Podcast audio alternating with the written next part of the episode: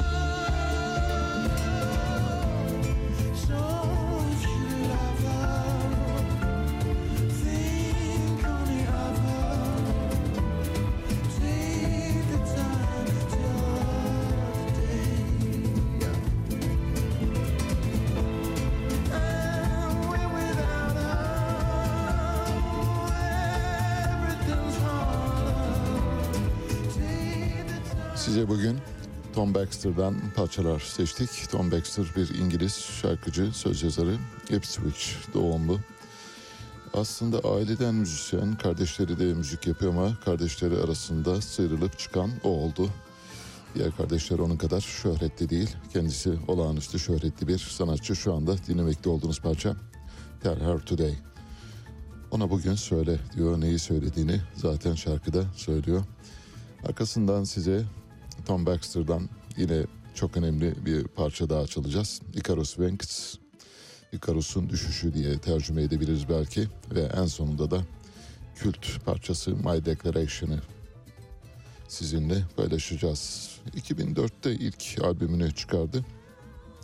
Bugüne kadar daha çok barlarda ve üçüncü sınıf mekanlarda çalıyordu, söylüyordu ama bir gün yıldızı parladı 2004'te. 2004'te büyük albümü, en büyük albümü olan Joanna, Alpha Man ve My Declaration'ı çıkardı. Bu üç parçayı birlikte içeriyordu.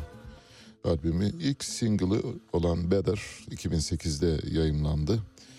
Müzikleri İngiliz yayın kuruluşu BBC'nin olimpiyatlar ve paralimpik olimpiyatlarında jenerik müziği olarak kullanıldı. Size birazdan birkaç parça daha çalacağız. Başlıyoruz. Küçük bir ara verdik. Yani bir günlük bir ara verdik. Bu bir günlük arada bir uluslararası konferansta moderatörlük görevim vardı. Onu ifa ettim geldim. Yoksa buradayız bir yere gitmiyoruz merak etmeyin. Bir basketbol haberi var. Onunla başlayalım. Bence son derece önemli. Basketbolda NBA'de bir rekor var. Paylaşılan bir rekor var. LeBron James NBA tarihinde 38 bin sayı barajını aşan ikinci oyuncu oldu. Birinci oyuncu biliyorsunuz bu barajı aşan ilk oyuncu Kerem Abdul-Jabbar'dı. Şimdi Kerem Abdul-Jabbar'la o rekoru paylaşıyor. Ve önemli bir başarı olduğunu söyleyebiliriz. Şu anda LeBron James e, Philadelphia'da oynuyor. 35 sayı attı dünkü maçta ve böylece 38 bin sayı barajını aşmış oldu. NBA kariyerini 1989 yılında tamamlayan Kerim Abdul-Jabbar, NBA'de kaydettiği 38.387 sayıyla hala tarihin en fazla sayı atan oyuncu konumunda bulunuyor. LeBron James arkasından geliyor. Kriz kahini Nuriye Rubini, Profesör Nuriye Rubini'nin önemli bir açıklaması var. Onu paylaşalım. Malum bugün bildiğiniz gibi Davos, dünyanın ekonomik forumu Davos başladı. Davos alternatif olarak e, 2000'li yıllarda başlayan Porto Alegre forumunun bir yansıması olan e, sosyal forumda bu arada başladı. Her ikisini birlikte ele alacağız. Yani hem Davos'u ele alacağız hem Zenginler Kulübü'nü hem de Zenginler Kulübü'ne direnen yoksulların e, mücadelesini birlikte aynı pota içinde eriterek anlatmaya çalışacağız. Rubini'nin bir uyarısı var. Diyor ki dünyayı yüksek işsizlik, enflasyon, durgunluk dönemi bekliyor. Rubini bundan önce birkaç önemli işe daha imza attı.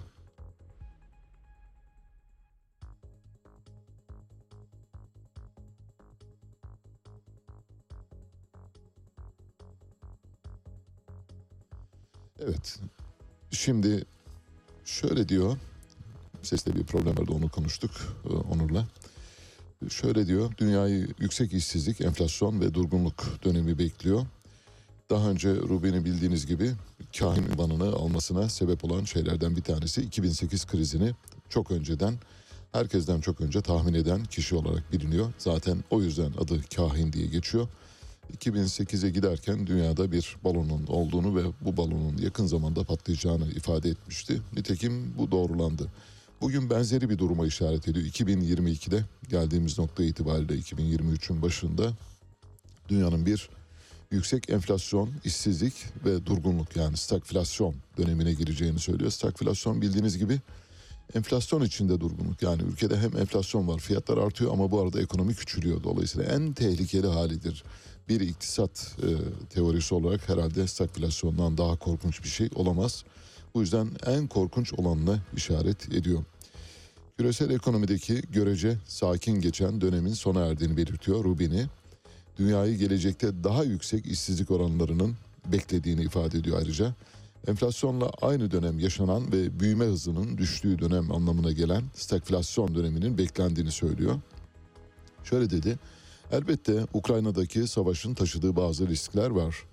Bununla birlikte enflasyon ve önümüzdeki birkaç ay veya 2-3 yıl içinde ortaya çıkabilecek mali krizin hayaleti de aramızda dolaşıyor.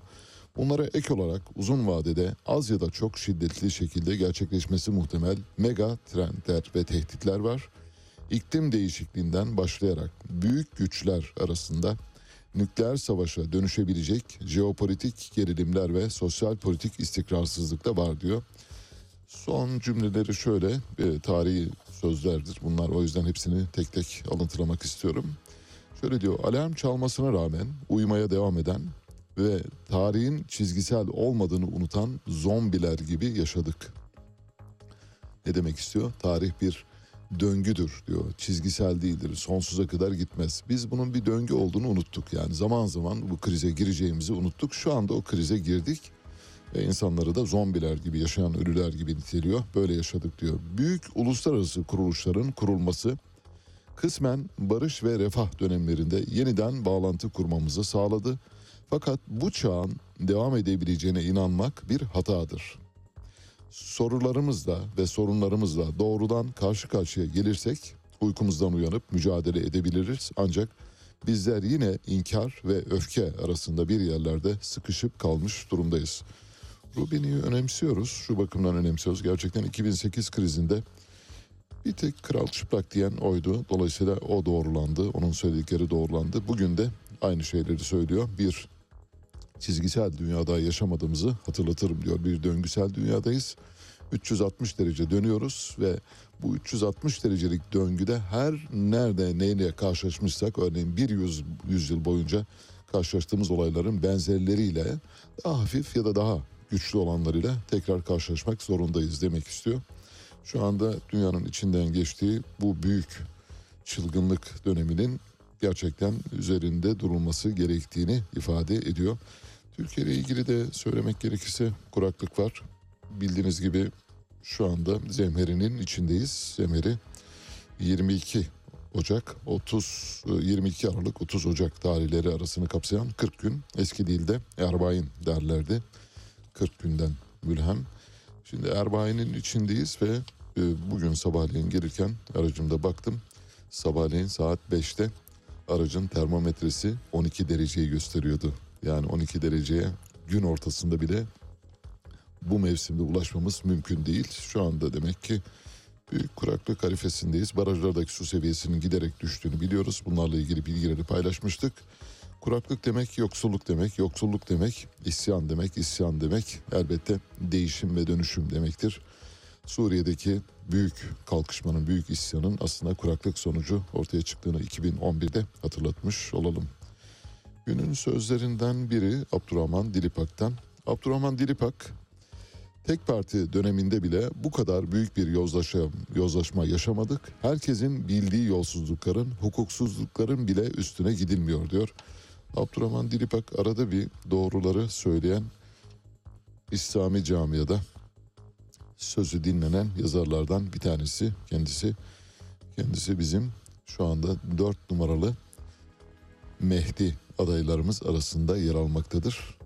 Bir dördüncü sıradan yukarıya doğru yavaş yavaş geliyor bunlarla. TV100 olayını ele alamadık ama alacağız. Merak etmeyin TV100 ile ilgili bir dosya çalışması başlattım.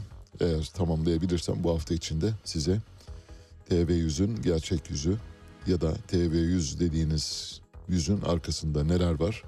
Kemal Kılıçdaroğlu röportajıyla ortaya çıkan patlak veren durumun sadece işin görünen kısmı olduğunu ifade edeyim şimdilik ama biliniz ki bu olay çok su kaldırır. İşin içinde herkes var bu arada söyleyeyim. Yani TV100 ailesinde yayın yapan, yönetimde görev alan, TV100'e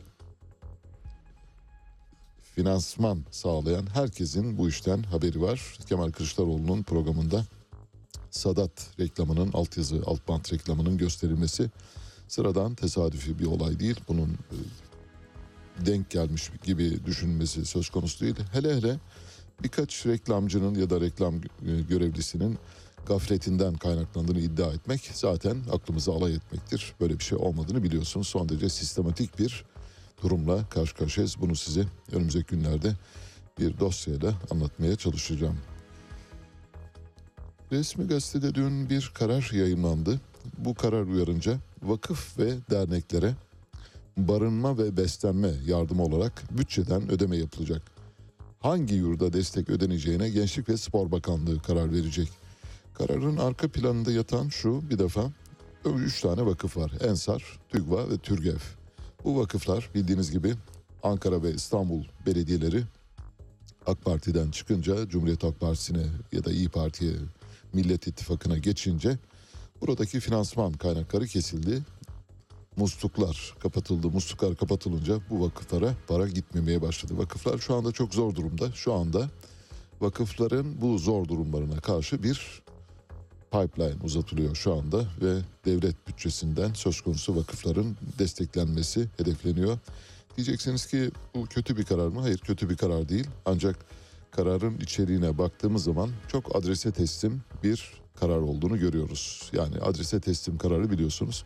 Adres, sadece kuruluşların adreslerini ve adını vermiyorsunuz ama onları tarif ediyorsunuz. Şu anda bu yönetmelikteki değişiklikler TÜGVA, TÜRGEV ve Ensar vakıfları dışındakileri çok fazla kapsamıyor. Yani küçük böyle Türkiye'nin herhangi bir yerinde yurt açmış, öğrenci okutan ya da öğrenciler için hayır amaçlı yurtlar açmış ya da ticari amaçlı yurtlar açmış olan kişileri kapsamıyor. TÜGVA'yı, TÜRGEV'i ve Ensar'ı yeniden ayağa kaldırmak mücadelesinin bir parçası. Şöyle resmi gazetede yayımlanarak yürürlüğe giren yönetmelikte vergi muafiyeti tanınan vakıflar ve kamu yararına çalışan derneklere ait yüksek öğrenim yurtlarında barınan öğrencilere yapılacak beslenme ve barınma yardımına ilişkin usul ve esaslar açıklandı. Destekten yararlanmak isteyen vakıfların en az 2 yıldır, buraya dikkat lütfen, en az 2 yıldır yüksek öğrenim öğrencilerine dönük yurt hizmeti veriyor olması, en az 3 şehirde yurdu bulunması buraya da dikkat, zincir oluşturması gerekiyor.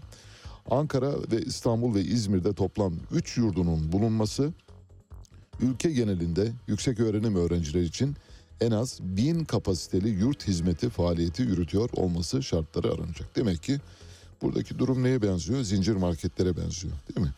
Zincir marketler gibi eğer 3 ilde örgütlenmişseniz ve minimum 1000 öğrenciye hizmet veriyorsanız ve en az 2 yıldır sektördeyseniz o zaman bu destekten faydalanacaksınız. Bu koşullara uyan 3-4 tane vakıf var. İşte onları biraz önce saydık. Muhtemelen 4. 5. bizim bilmediğimiz vakıflar da vardır. Oraya doğru gidiyor. Bu Ensar Vakfı'nın yeniden güçlendirilmesiyle ilgili TÜGVA, TÜRGEV'in güç kaybının telafi edilmesi için alınmış bir karardır. Bu anlama tabii şube sayısı ve öğrenci sayısına göre yapılacak. Başvuru yapan vakıf ve dernekler yapılacak puanlamaya göre sıralanacak ve bu sıralamaya göre beslenme ve barınma yardımı yılı bütçe ödeneği tutarıyla sınırlı kalmak şartıyla öncelik verilecek. Yönetmelikteki bin kapasiteli yüksek öğrenim yurdu bulunan vergi muafiyeti tanınan vakıf tanımına uygun vakıflar arasında ilk olarak Ensar geliyor. İkinci sırada TÜRGEV, üçüncü sırada TÜGVA geliyor. TÜGVA, TÜRGEV'in Cumhurbaşkanı Erdoğan'ın aile efradının yönetiminde bulunduğu vakıflar olduğunu biliyoruz. Ensar Vakfı'nın da çocuklara tecavüz vakalarıyla çok fazla gündemde olduğunu biliyoruz. Dolayısıyla cinsel istismarın kol gezdiği yerlerden olduğunu ifade edebiliriz. AK Partili belediyelerin 31 Mart yerel seçimleriyle birlikte başta İstanbul, Ankara olmak üzere el değiştirmesiyle birlikte TÜRGEV ve TÜGVA 44 yurdunu kapatmak zorunda kaldı. Demek ki o tarihten bu yana 3 yıldır, 3 yıl boyunca 44 yurdunu kapatmış. TÜGVA'nın da 2018'de 58 olan yurt sayısı 2020'de 39'a bakın yarıya yakın azalıyor neredeyse. TÜRGEV'in 2018'de 49 olan yurt sayısı da 21'e düştü. Yarıdan fazla azalmış. Kamuoyunca yakından takip edilen Ensar Vakfı da 37'si kız, 25'i erkek toplam 62 yurtta 6000'in üzerinde öğrenciye hizmet veriyor. Böylece vakıflara bir hayat öpücüğü gelmiş durumda. Peki vakıflara bunu yapan siyasi irade ya da ekonomi yönetimi acaba diğer vakıflara ya da diğer yurtlarda kalan çocuklara neler yapıyor derseniz vallahi orada durum biraz iç açıcı değil. Dün bir izleyicimiz gönderdi bu sağ olsun eksik olmayın. Bir öğrencinin mektubu var. Şöyle diyor öğrenci hangi yurtta kaldığını söylemeyeyim çünkü öğrenciyi deşifre etmemiş oluruz. Sabah erken saatlerde derslerimiz olduğu için sandviç alıp çıkıyoruz ama kullanılan ekmek çok bayat. Kaç defa uyarmamıza rağmen halen çözüme kavuşturulmadı ve o kullanılan ekmekler için de devletten para alıyorlar. Yazık, günahtır. Ellerini vicdanlarına koysunlar. Artık insan muamelesi görmek istiyoruz diyor. Sabahleyin aldığı ekmeğin biraz taze olmasını işte. Başka hiçbir şey istemiyor. Parasını da veriyor, alıyor, cebine koyuyor, okuluna götürüyor. Durum bundan ibaret. Peki geliyoruz nereye? Şimdi burada bir savaş var. Bu savaşın adı skuterlarla içten patlamalı motor sanayinin savaşına doğru gidiyor.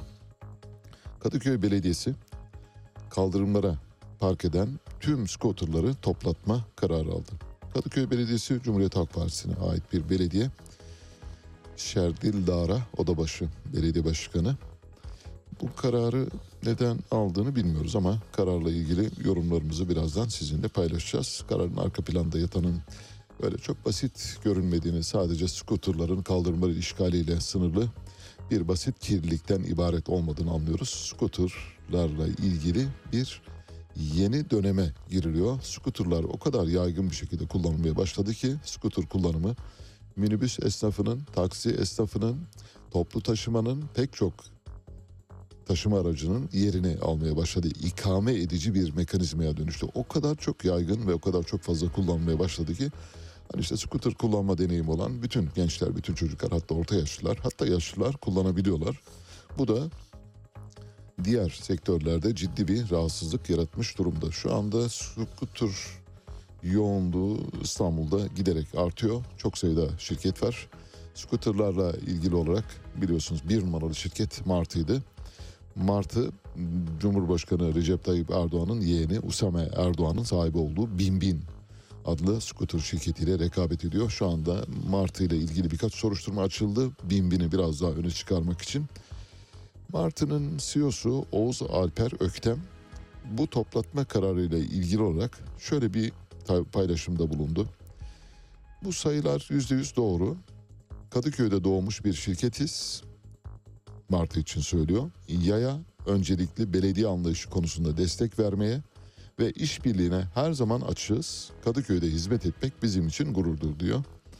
Şimdi Kadıköy Belediyesi'nin yaptığı ne kadar yanlışsa Martı CEO'su Oğuz Alper Öktem'in yaptığı da o kadar yanlış. Bir defa Kadıköy'de doğmuş olmanız Kadıköy'ü istediğiniz gibi babanızın çiftliği gibi kullanmanıza izin vermiyor. Bu bir. İki, eğer gerçekten bir kirlilik durumu varsa belediyeyle oturursunuz masaya çözersiniz. Bunu yapmıyorsunuz. Sadece Kadıköy Belediyesi'ni kapsamıyor. İstanbul'un her yeri için geçerli. Peki çözüm ne? Çözüm şu. Söyleyelim. Elbette böyle kaldırımlara, yol kenarlarına gayri nizami bir şekilde, düzensiz bir şekilde park edilmiş ve skuterlar elbette çok hoş değil. Bunu görüyoruz. Ha diyeceksiniz ki çocuklara alan gösterdiğinizde onlar gidip park etmedi mi?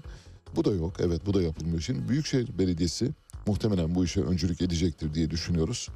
Skuterlara bir park bölgeleri tahsis etmeli. Bu park bölgeleri de minimum işte yürüme mesafesi diyebileceğimiz 500 metreyi geçmemelidir. 500 metrede bir park bölgeleri oluşturdukları takdirde sorun çözülebilir. Ama öyle yapmıyorsunuz. Ne yapıyorsunuz? Skuterları toplatıyorsunuz. Kim topluyor? Kadıköy Belediyesi topluyor. Skuterlar kim kimin? Sizin mi? Yok. Babanızın malı mı? Yok. Peki niye toplatıyorsunuz ve hangi yetkiyle toplatıyorsunuz? Bu bir mülkiyet hakkına tecavüz değil midir? diye soruyoruz. Elbette Martı'nın CEO'su Oğuz Alper Öktem de burada işte Kadıköy'de doğduk, Kadıköy'de büyüyeceğiz gibi sanki futbol takımından, Fenerbahçe'den bahsediyor. Ha, değil mi? Beşiktaş bizim, Kadıköy bizim. Böyle bir şey yok. Yani bu bir defa bu bir hakikaten hakikaten safsata ve gerçekten bir e, kötüye kullanımdan ibaret. Ben bu tweetin altında yazan tweetleri okudum. Alper, Oğuz Alper Öktem'in, Martı'nın CEO'su Oğuz Alper Öktem'in tweetinin altında. Oğuz Alper Öktem şu anda çok sayıda troll kullanıyor. Altına yazan her 10 kişiden 9'u Oğuz Alper Öktem'e destek veriyor. Yani Martı'ya destek veriyor. Demek ki tutulmuş adamlar. Martı, Martı kullanımları ve Martı kullanıcıları ya da Martı'da çalışanlar hep beraber ve o tweetin altını doldurmuşlar. İkili bir savaş var. Bu ikili savaşta kimin haklı kimin haksız olduğu meselesine girmeden sadece şu son cümleyi söyleyip bu bahsi kapatacağım. Scooter artık 21. yüzyılda büyük kentlerin önemli bir ulaşım aracı. Ayrıca çevreye daha az zarar veren bir ulaşım aracı, elektrikli ulaşım aracı. Bu bakımdan karbon ayak izi bırakmaması bakımından ileride zaten siz isteseniz de istemeseniz de scooterlar hayatımıza girecek. Hani buna neyse öyle söylemeyeyim şimdi yani Rütük'te zaten başımız belada. O yüzden girmeyelim o kulvarlara ama scooterların hayatımızda bundan böyle daha fazla yer alacağını kabul etmeniz lazım. Bu tür yasaklamalarla skuterları engellemeniz mümkün değil. Ama tabii Oğuz Alper Öktem'in de biz Kadıköy'de doğduk, Kadıköy'de yaşayacağız. Kadıköy bizim mekanımız gibi böyle hani hamasi ve afaki nutuklar vermemesi lazım. Bunu doğrudan yargı yoluna götürürsünüz. Elbette bir yargı yoluyla çözersiniz diye düşünüyorum. Ya da müzakere yoluyla çözersiniz. Arka planda ne olduğunu bilmiyoruz. Oğuz Alper Öktem şöyle bir paylaşımda da bulundu. Dünyada skuter kullanımı ile ilgili bazı veriler paylaştı. Bunlar önemli paylaşıyorum. Şöyle diyor Kadıköy'de son 3 yılda en az 682 bin tekil kişi elektrikli skuter kullanmış ve toplamda en az 8 milyon 172 bin kez yolculuk yapmıştır. Bir defa bu yolculuk sayısı falan bunlar palavra yani hani bu kadar çok sayıda. İstanbul'da 16 milyon kişi yaşıyor. Siz 8 milyon yolculuk yapmışsınız tekil olarak. Demek ki İstanbul'da skutura binenlerin sayısıyla nüfus arasında bir oranlama yapmak doğru değil bir defa. Elmalarla armutları toplamak gibi olabilir. Kadıköy ilçesi dünyada kişi başına düşen paylaşımlı elektrik araç kullanımında birinci sıradadır. Kadıköy, Berlin, Paris, Zon 1 bölgesi ve Brüksel merkez ilçeleri takip etmektedir. Bu güzel, tamam bu veriyi beğendik. Kadıköy'de kamuya açık alanların %88'i otomobil yolu ve park yerlerine ayrılmıştır. Yayaların yürüyebileceği alan ve kamuya açık alanların oranı sadece %12'dir diyor.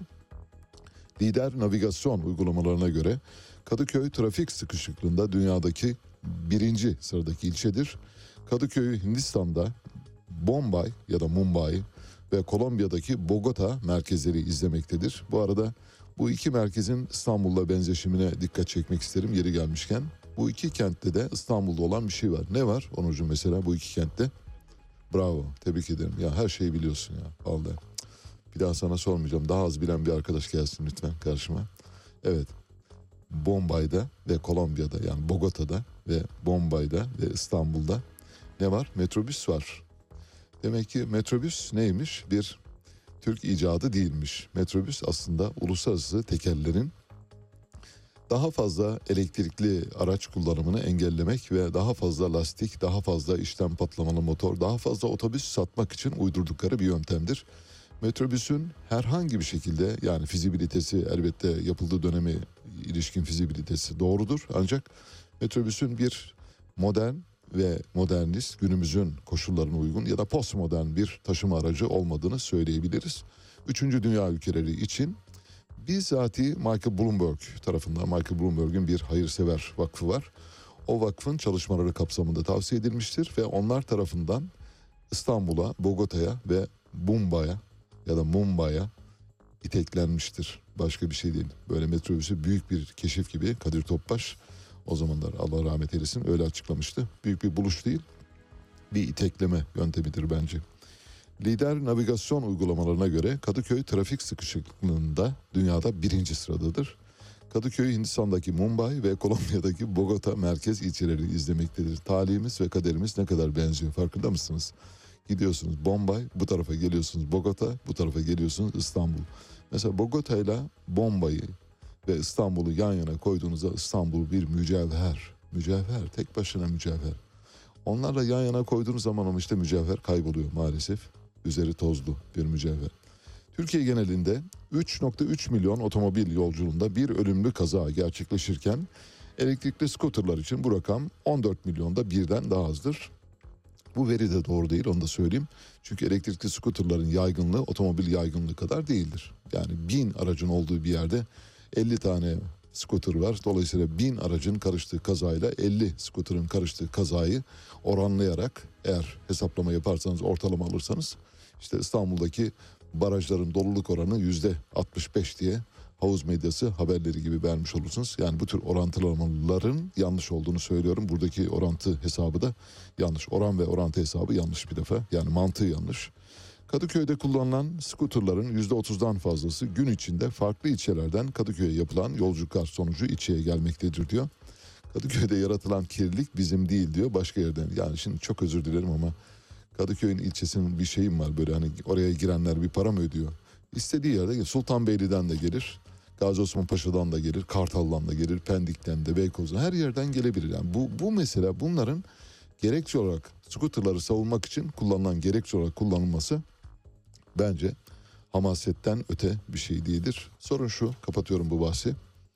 Bu arada kapatmadan önce bir haber daha vereceğim. Scooter sadece bizim sorunumuz değil. Aynı zamanda dünyanın sorunu olmaya doğru gidiyor.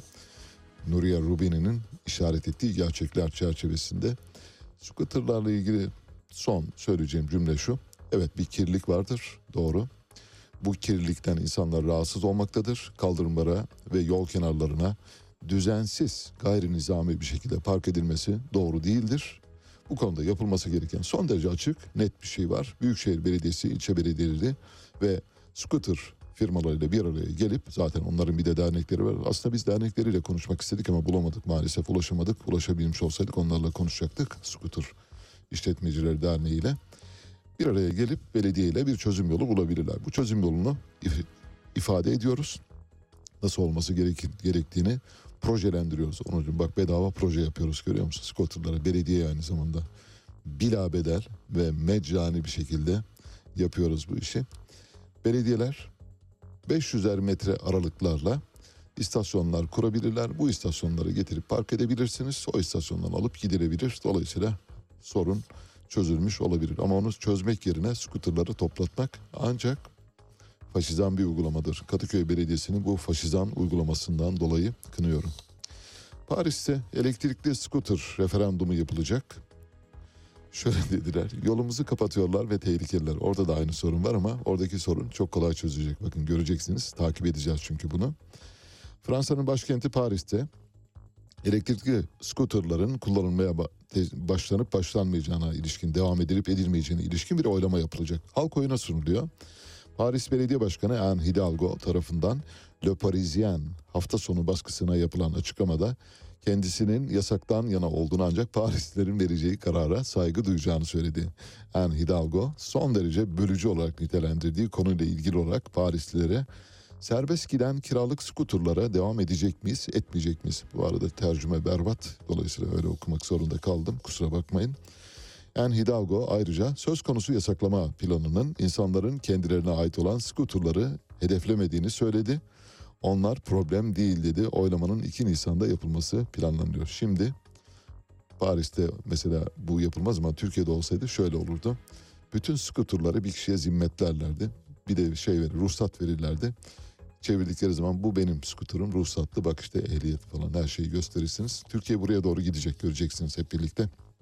Paris'te bile rahatsızlık yaratan bir mesele ise Türkiye'de hadi hadi rahatsızlık yaratıyor. Evet şimdi bir ölüm haberi vereceğiz maalesef. Arka planda sesini de duyacağız. Gina Laura Brigida'yı kaybettik maalesef.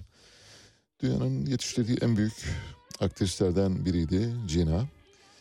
Liz Taylor ve Sofia Loren ekolüne çok yakın bir e, sanatçıydı. Bir dağ köyünde, İtalya'nın bir dağ köyünde dünyaya geldi. 1927 doğumlu, Lazio doğumlu. Sinema oyuncusu ve fotoğraf sanatçısıydı. Önce mankenlik yaptı uzunca yıllar. Sonra sinema, Hollywood kendisini keşfetti. Ondan önce de tabii 1947'de İtalya'da güzellik yarışmasına, İtalyan güzellik yarışmasına girdi ve üçüncü oldu. Bir Yugoslavyalı fizikçiyle evlendi. Soğuk Savaş yıllarında Yugoslavlar elbette Batılılar tarafından çok hoş karşılanmayan bir e, antiteyi oluşturdukları için Milko Skofic adlı bir fizikçiyle evlendi. Ondan iki çocuğu oldu. Sonra boşandılar. Dün Roma'da 95 yaşında hayata veda etti. Biz Cina'nın resmini arkadaşlarımız verecekler. Çok hoş, olağanüstü güzellikte bir kadın. Bir heykel gibi, bir Leonardo heykeli gibi bir Michelangelo heykeli gibi bir büst gibi hayatımızda duruyordu. Kendisini nereden hatırlıyoruz biliyorsunuz meşhur Notre Dame'ın kamburunda Esmeralda rolünü oynuyordu.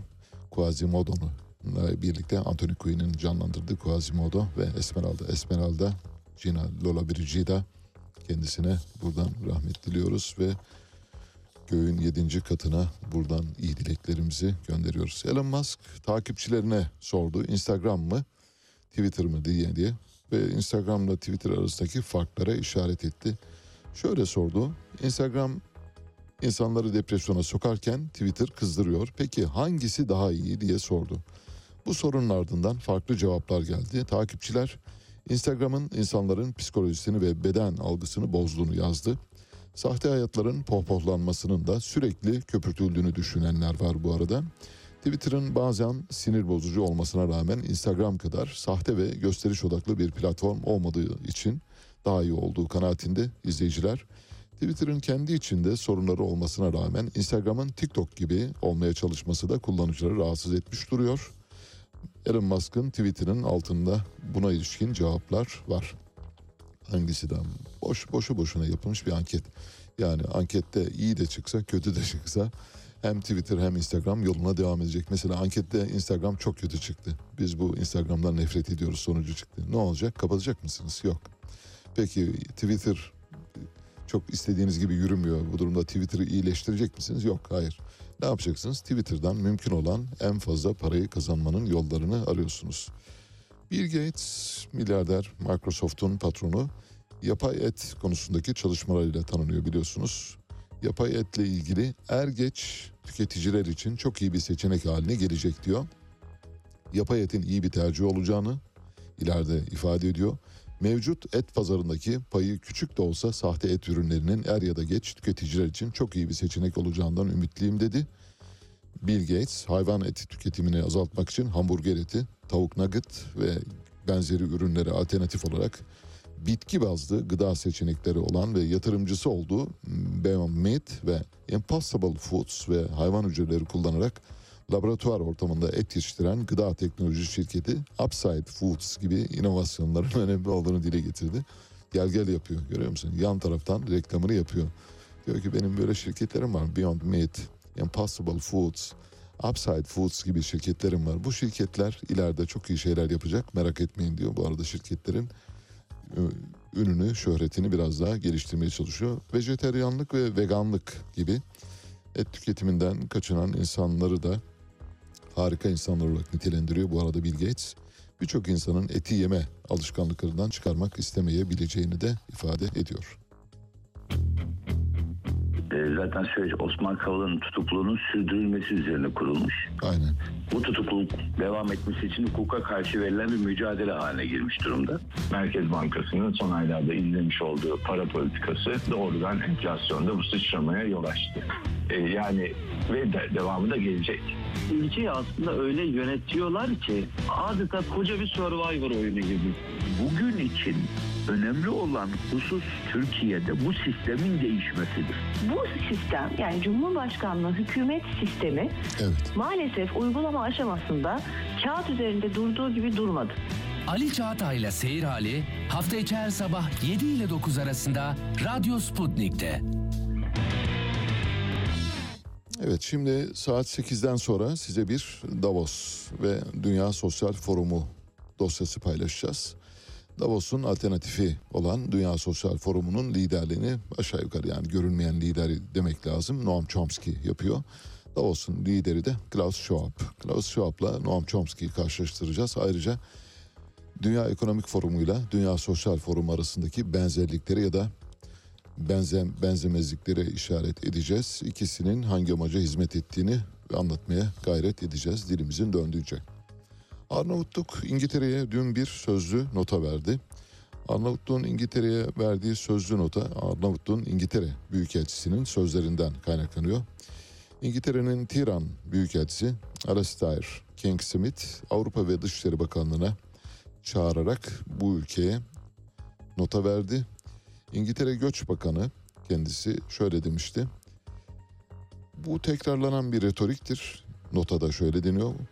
Arnavutluk Başbakanı Edi Rama ve İngiltere Başbakanı Rishi Sunak'ın Büyük Britanya'daki Arnavut diasporasının rolü ve bu diasporanın her iki ülkenin kültürüne, ekonomisine ve toplumuna önemli katkısına ilişkin ortak değerlendirmenin yer aldığı ortak bildiride teyit edilen ikili işbirliğinin olumlu ruhunu ihlal ediyor. Küçücük Arnavutluk kocaman İngiltere'ye nota veriyor. Hani devlerle pirelerin savaşı gibi ama olsun elbette mütekabiliyet diye bir şey var. Ülkeler küçük de olsa büyük de olsa sınırlarını korumakla yükümlü ve vatandaşların haklarını hukuklarını korumakla yükümlü. Zaten ülkeler niye var? Bunun için var. Kendi ülke halklarının haklarını savunmak için ancak her ülke vatandaşları ülke yönetimleri tarafından savunuluyor mu derseniz hayır bazı ülkelerin vatandaşları bazı ülke yönetimleri tarafından düşmanca muameleye tabi tutuluyor. İngiltere'de öğretmenler ve hemşireler greve gidiyor. Dev bir grev gidiyor İngiltere'de. Sadece 23 bin okulun etkilenmesi bekleniyor eğitim grevinden dolayı. Hastanelerle ilgili de aşağı yukarı bir o kadar da hastane etkilenecek. Ama İngiltere tıpış tıpış gidiyor greve. Hükümet kamu güvenliği ve benzeri gerekçelerle grevi yasaklayabilir. Orada da var böyle şeyler bildiğiniz gibi. Ancak çok sıkça başvurulan yöntemlerden değil bildiğiniz gibi. Çünkü ileri demokrasi orada çalışanların hak ve hukuku da korunmaya çalışılıyor. Sendikalar çok güçlü, örgütlü toplum son derece güçlü. Örgütlü topluma karşı kamu istediği zaman dişini gösteremiyor ya da sopasını çıkaramıyor. Bu yüzden de öğretmenler ve sağlık çalışanları greve gidiyorlar. İngiltere'de öğretmenlerin bağlı olduğu Ulusal Eğitim Sendikası ve hemşirelerin bağlı olduğu Kraliyet Hemşire Koleji sendikaları bir süredir devam eden grev dalgasına katılarak bu ayda dahil olmak üzere Şubat ve Mart'ta greve gideceklerini duyurdu. İngiltere Öğretmenler Sendikası tarafından yapılan açıklamada öğretmenlerin ilk grevini yaklaşık 100 bin kamu sektörü çalışanıyla 1 Şubat'ta yapacağı ifade edildi. Grevlerin Şubat ve Mart aylarında toplam 7 gün boyunca devam edeceği bildirildi. 23.400 okulun öğretmen grevlerinden etkileneceği bildiriliyor. Sağlık sektöründe de benzeri bir tablo var. Demokrasinin nimetleri. İtalya'nın en çok aranan mafya lideri yakalandı. İtalyan polisi ülkenin en çok aranan mafya lideri olarak bilinen Matteo Messina Denaro'yu yakaladı. Acaba Matteo Messina Denaro kaç yıldır aranıyor olabilir? Onucum bir tahmin yapabilir misin? Biliyorsun haberi biliyorsun. Peki güzel. Dürüst davrandığı için teşekkür ederim. 38 yıldır aranıyor neredeyse. Yani doğduğu günden beri aranıyor ve bulunamıyor. Bu hani komik bile değil. İşte İtalya bize çok benziyor maalesef. İtalyanlarla Türkler arasında hani böyle tez canlılık, Akdenizlilik falan gibi şeylerle bir bağdaşıklık kurulur ya. Hakikaten öyle. Bize çok benziyorlar. Kriminaliz bir e, topluluk bakımından da yani kriminal ölçüler bakımından da Türklere çok benziyor. Orada da mafya çok yaygın, bizde de mafya çok yaygın. Orada da siyaset çok kötü, bizde de siyaset çok kötü. Üstelik de İtalya Avrupa uygarlığının beşiği yani Roma'nın mirasçısı. Roma'nın mirasçısında böyle şeyler oluyorsa Osmanlı'nın mirasçısında da böyle şeyler olur. Hani şimdi mesela hadi karşılaştırma yapalım mı? Biz Osmanlı'nın ahvadıyız. Böyle şeyler olmaz. Diyebilir misiniz? Diyemezsiniz. Onlar da Roma'nın çocukları bak görüyorsunuz.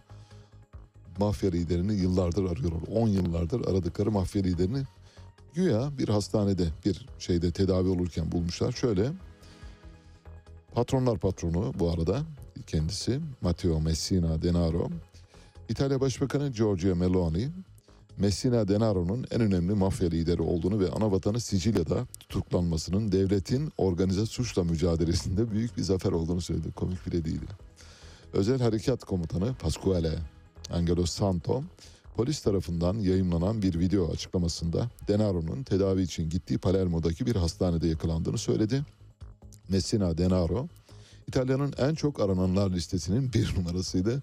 Ancak bilinen tek fotoğrafı 1990'ların başlarına aitti. Denaro'nun Costa Nostra olarak bilinen Sicilya mafyasını soruşturan yargıçlar Giovanni Falcone ve Paolo Borsellino'nun öldürülmesinden aylar sonra 1993 yılında Roma, Milano ve Floransa'da 10 kişinin ölümüne neden olan bombalı saldırıların arkasında olduğundan da şüpheleniliyor ayrıca.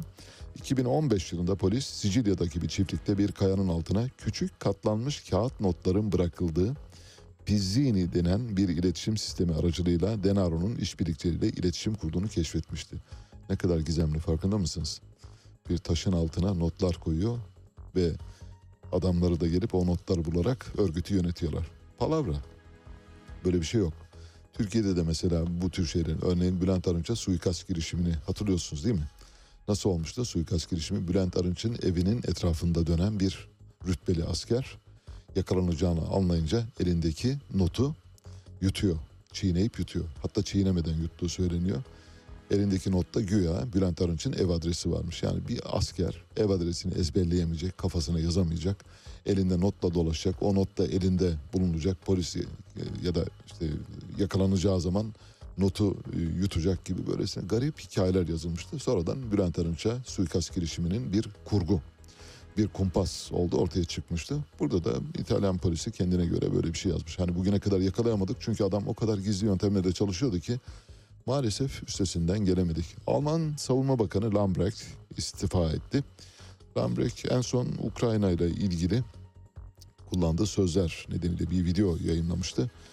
Bir havai fişekli videoda Almanya Savunma Bakanı şöyle demişti. 2022 yılı bizi meydan okumalarla karşı karşıya getirdi. Avrupa'nın göbeğinde bir savaş yaşanıyor ama bununla bağlantılı bir dizi izlenimim oldu.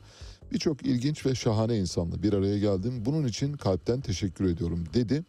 Bunun üzerine Almanya Başbakanı Olaf Scholz, düşük profilli Almanya Başbakanı Olaf Scholz, Savunma Bakanı'nın istifasını istedi. Evet yavaş yavaş habere gidiyoruz.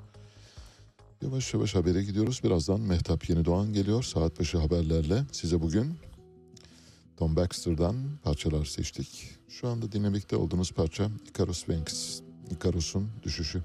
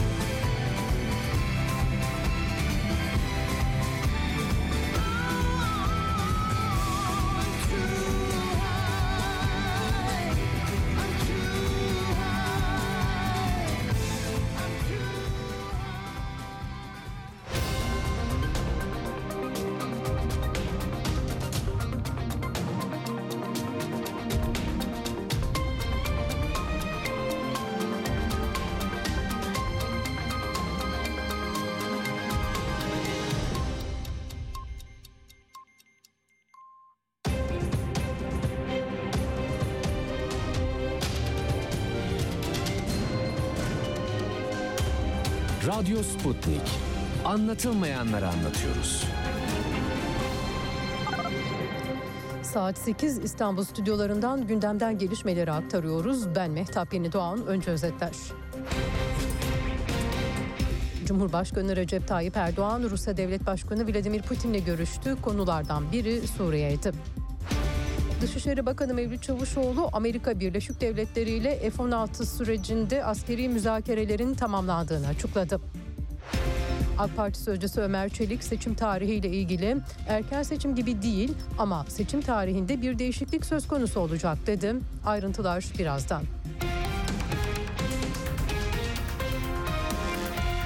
Bülten dış politika ve diplomasi başlığıyla başlıyor. Cumhurbaşkanı Erdoğan, Rusya Devlet Başkanı Putin'le telefonda görüştü. İki lider Rus gaz arzı ve Türkiye'de bölgesel bir doğal gaz merkezi kurulmasını konuştu. Ayrıca Türkiye-Suriye ilişkilerinin normalleşmesi ele alındı.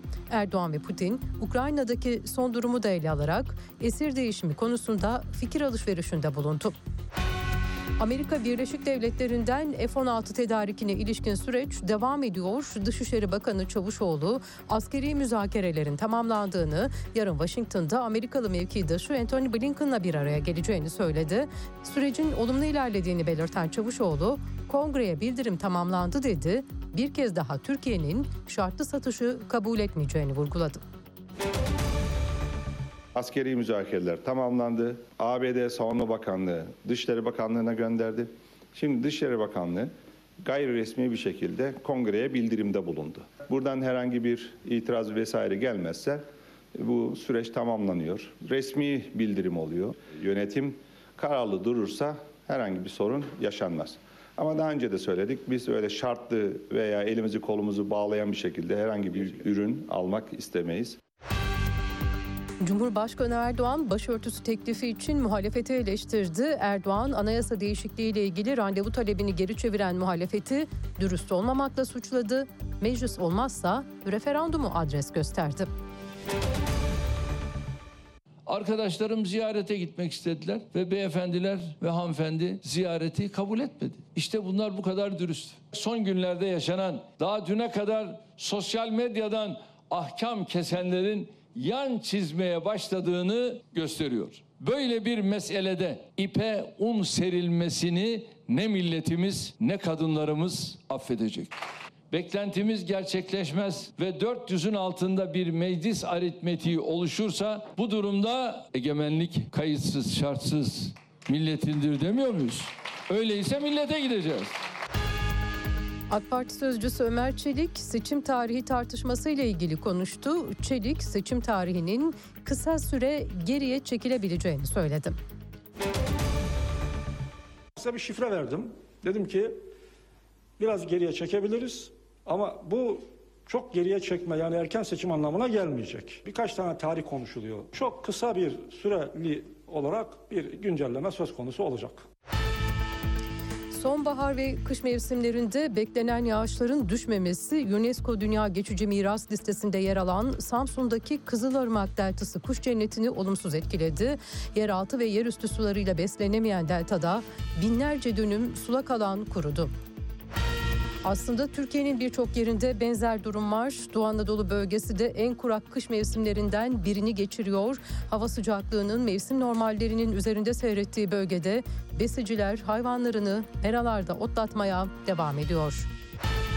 Türkiye'nin en fazla zeytin ağacı varlığına sahip illerin başında gelen Aydın'da ise zeytin hasat sezonuyla birlikte zeytinyağı fabrikalarının kontrolsüzce saldığı atık sular çevre kirliliğine neden olmaya başladı. Aydın'da bazı dereler zeytinyağı fabrikalarının kara su atıkları dolayısıyla siyah akıyor. Ekosistemi Koruma ve Doğa Sevenler Derneği Başkanı Bahattin Sürücü, kontrolsüz ve gizli şekilde derelere dökülen zeytin kara sularının doğayı kirlettiğini söyledi. Timinciler çayına dökülen kara atık sular Büyük Menderes Nehri'ne karışıyor. Oradan önce Bafa Gölü'ne, sonra Büyük Menderes Deltası Milli Parkı'na ve Ege Denizi'ne ulaşıyor dedi.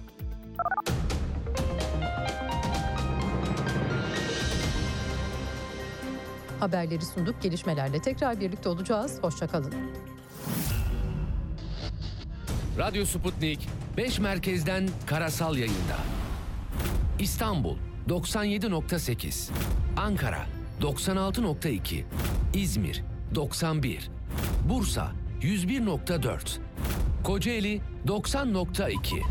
Karasal yayınlarımızın olmadığı yerlerde ise tr.sputniknews.com adresinden iOS ya da Android mobil cihazınızdan Sputnik News uygulamasını indirerek dinleyebilirsiniz. Radyo Sputnik. Anlatılmayanları anlatıyoruz. Havadan, sudan, karbon ayak izinden, yeşil mutabakattan, dünyanın yeni mottosuna uzanan, bugünden geleceğe bakan, soran, soruşturan, sorgulayan program. Olana bitene farklı bir gözle bakmak isteyenler için Meliha Okur'la Anlat Bana her pazartesi ve çarşamba saat 15'te Radyo Sputnik'te. Son dakika haberleri, canlı yayınlar, multimedya ve daha fazlası Sputnik Haber Ajansı'nın web sitesinde. Dünyanın küçük bir parçasını değil, tamamını anlamak istiyorsanız sputniknews.com.tr'yi tıklayın, habersiz kalmayın.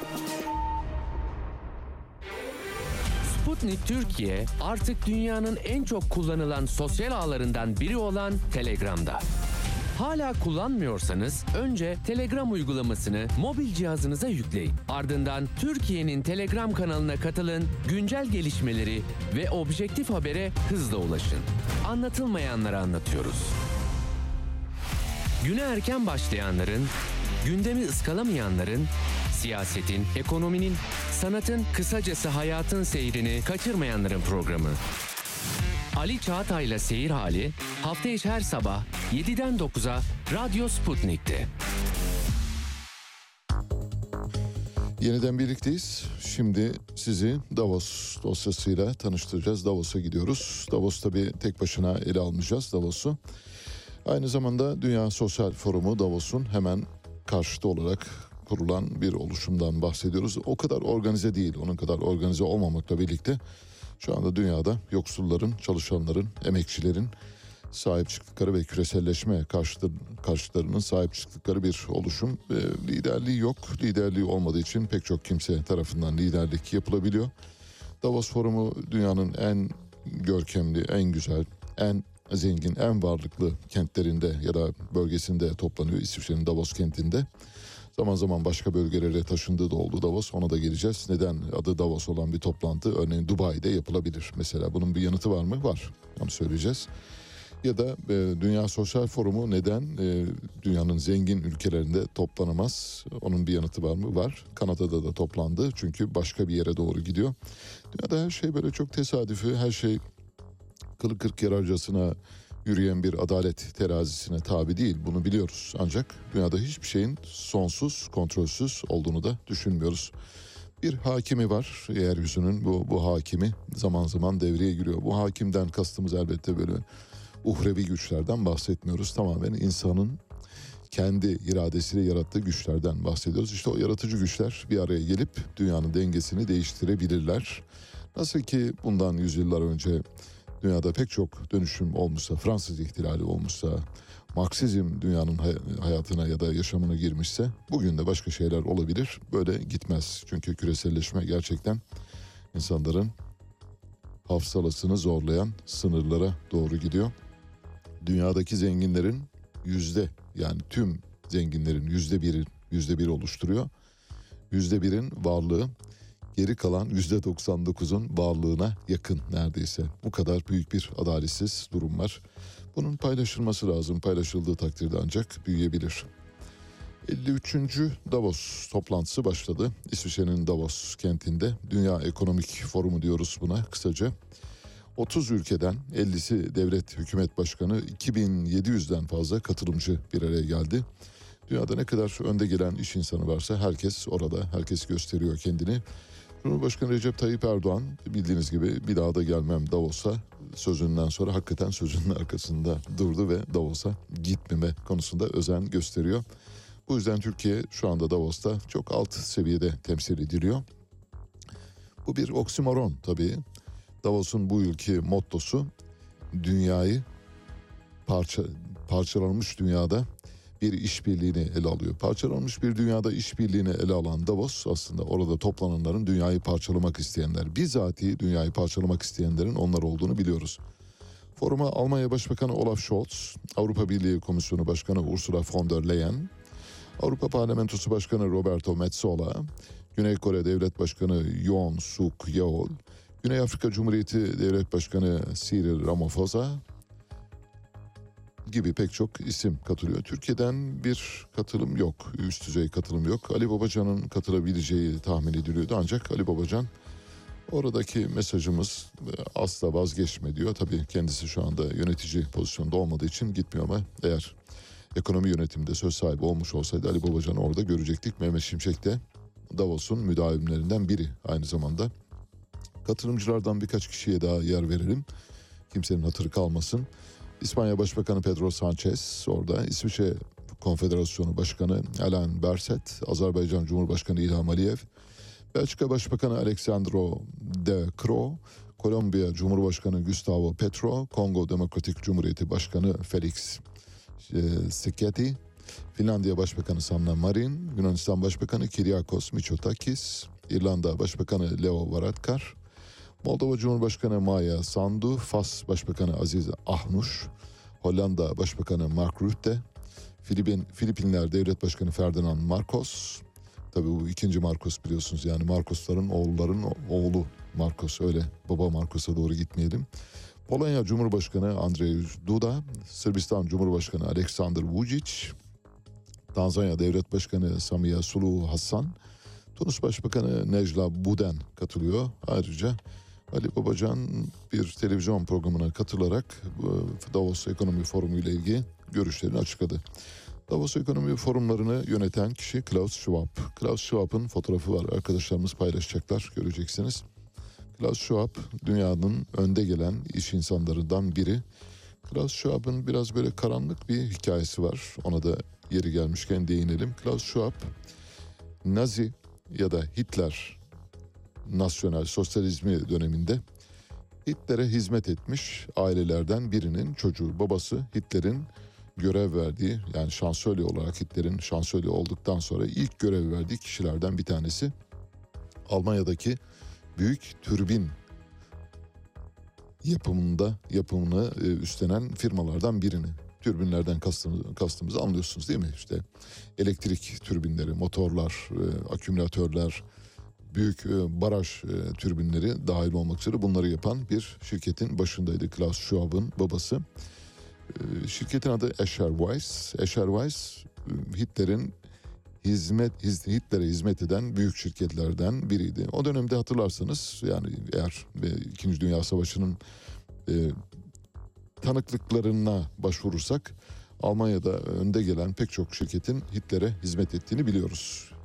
Hitler'e hizmet eden bu şirketlerin hala hayatta olduklarını biliyoruz. Klaus Schwab'ın babası da Nazi yönetimine hizmet eden bir şirketin sahibiydi.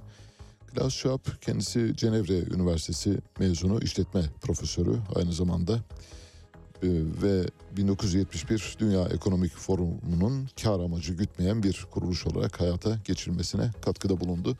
Dünya Ekonomik Forumu'nun kar amacı gütmeyen bir kuruluş olduğunu biliyoruz. Ancak Dünya Ekonomik Forumu'nun kar ihtiyacı içinde olmadığını da biliyoruz. Yani kar etmesine gerek yok çünkü Dünya Ekonomik Forumu kendisi bizzati kar eden bir kuruluş. Mesela bildiğiniz gibi İsviçre'nin Davos kentinde toplanıyor kasabada. Küçük bir kasaba, bir dağ kasabası. Bu kasabada toplanan Davos Forumu zaman zaman dünyanın diğer ülkelerine de gidiyor. Örneğin Dubai'ye gitti. Şimdi Davos'ta Dubai ne alaka derseniz işte alaka orada. Alaka şu.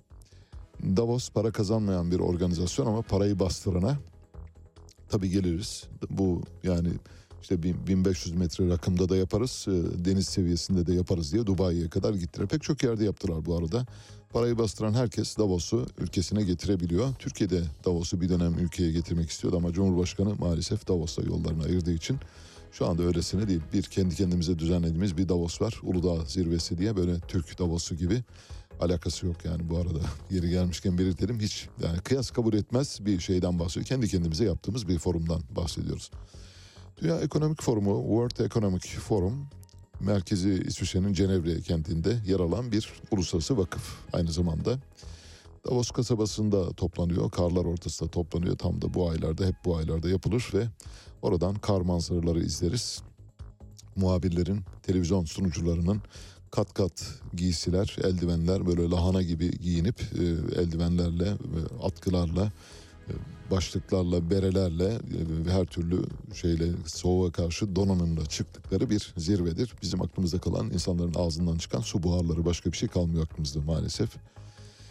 Davos Forumu e, Çin'de de düzenlendi bundan önce Dubai'de olduğu gibi işte parayı veren herkesin davet edebileceği bir forum. Davos'un para ya da kar amacı gütmeyen bir kuruluş olduğu iddiası böylece boşa çıkmış oluyor. Bugüne kadar Avrupa'da, Orta Asya'da, Uzak Doğu'da, Rusya'da, Afrika'da, Orta Doğu ve Latin Amerika ülkelerinde pek çok yerde düzenlendi. Elbette bu düzenlenen Davoslar İsviçre'nin Davos kentindeki Davos kadar büyük olmuyor. Ancak adı Davos mu Davos? Başında Klaus Schwab var mı? Var. Bitti. O kadar. Dolayısıyla üzerinde tartışmaya bile gerek yok. Dolayısıyla bu ülkelerde düzenlenen Davos toplantıları para getiren toplantılar. Davos'un finansmanını böyle sağlıyor.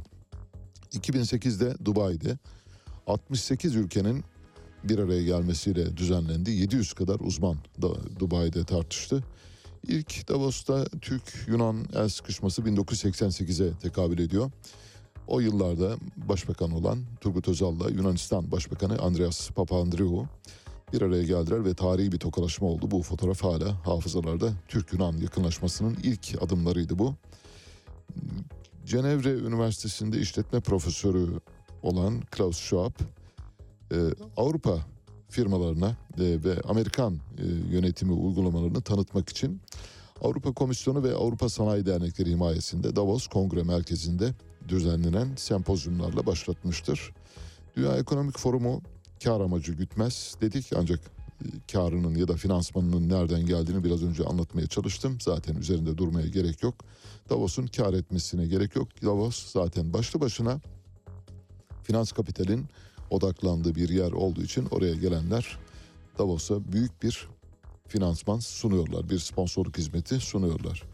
Davos'un tam karşısında bir ayrı organizma var. Onun kadar e, örgütlü değil, onun kadar organize değil ama o da güçlü bir organizma.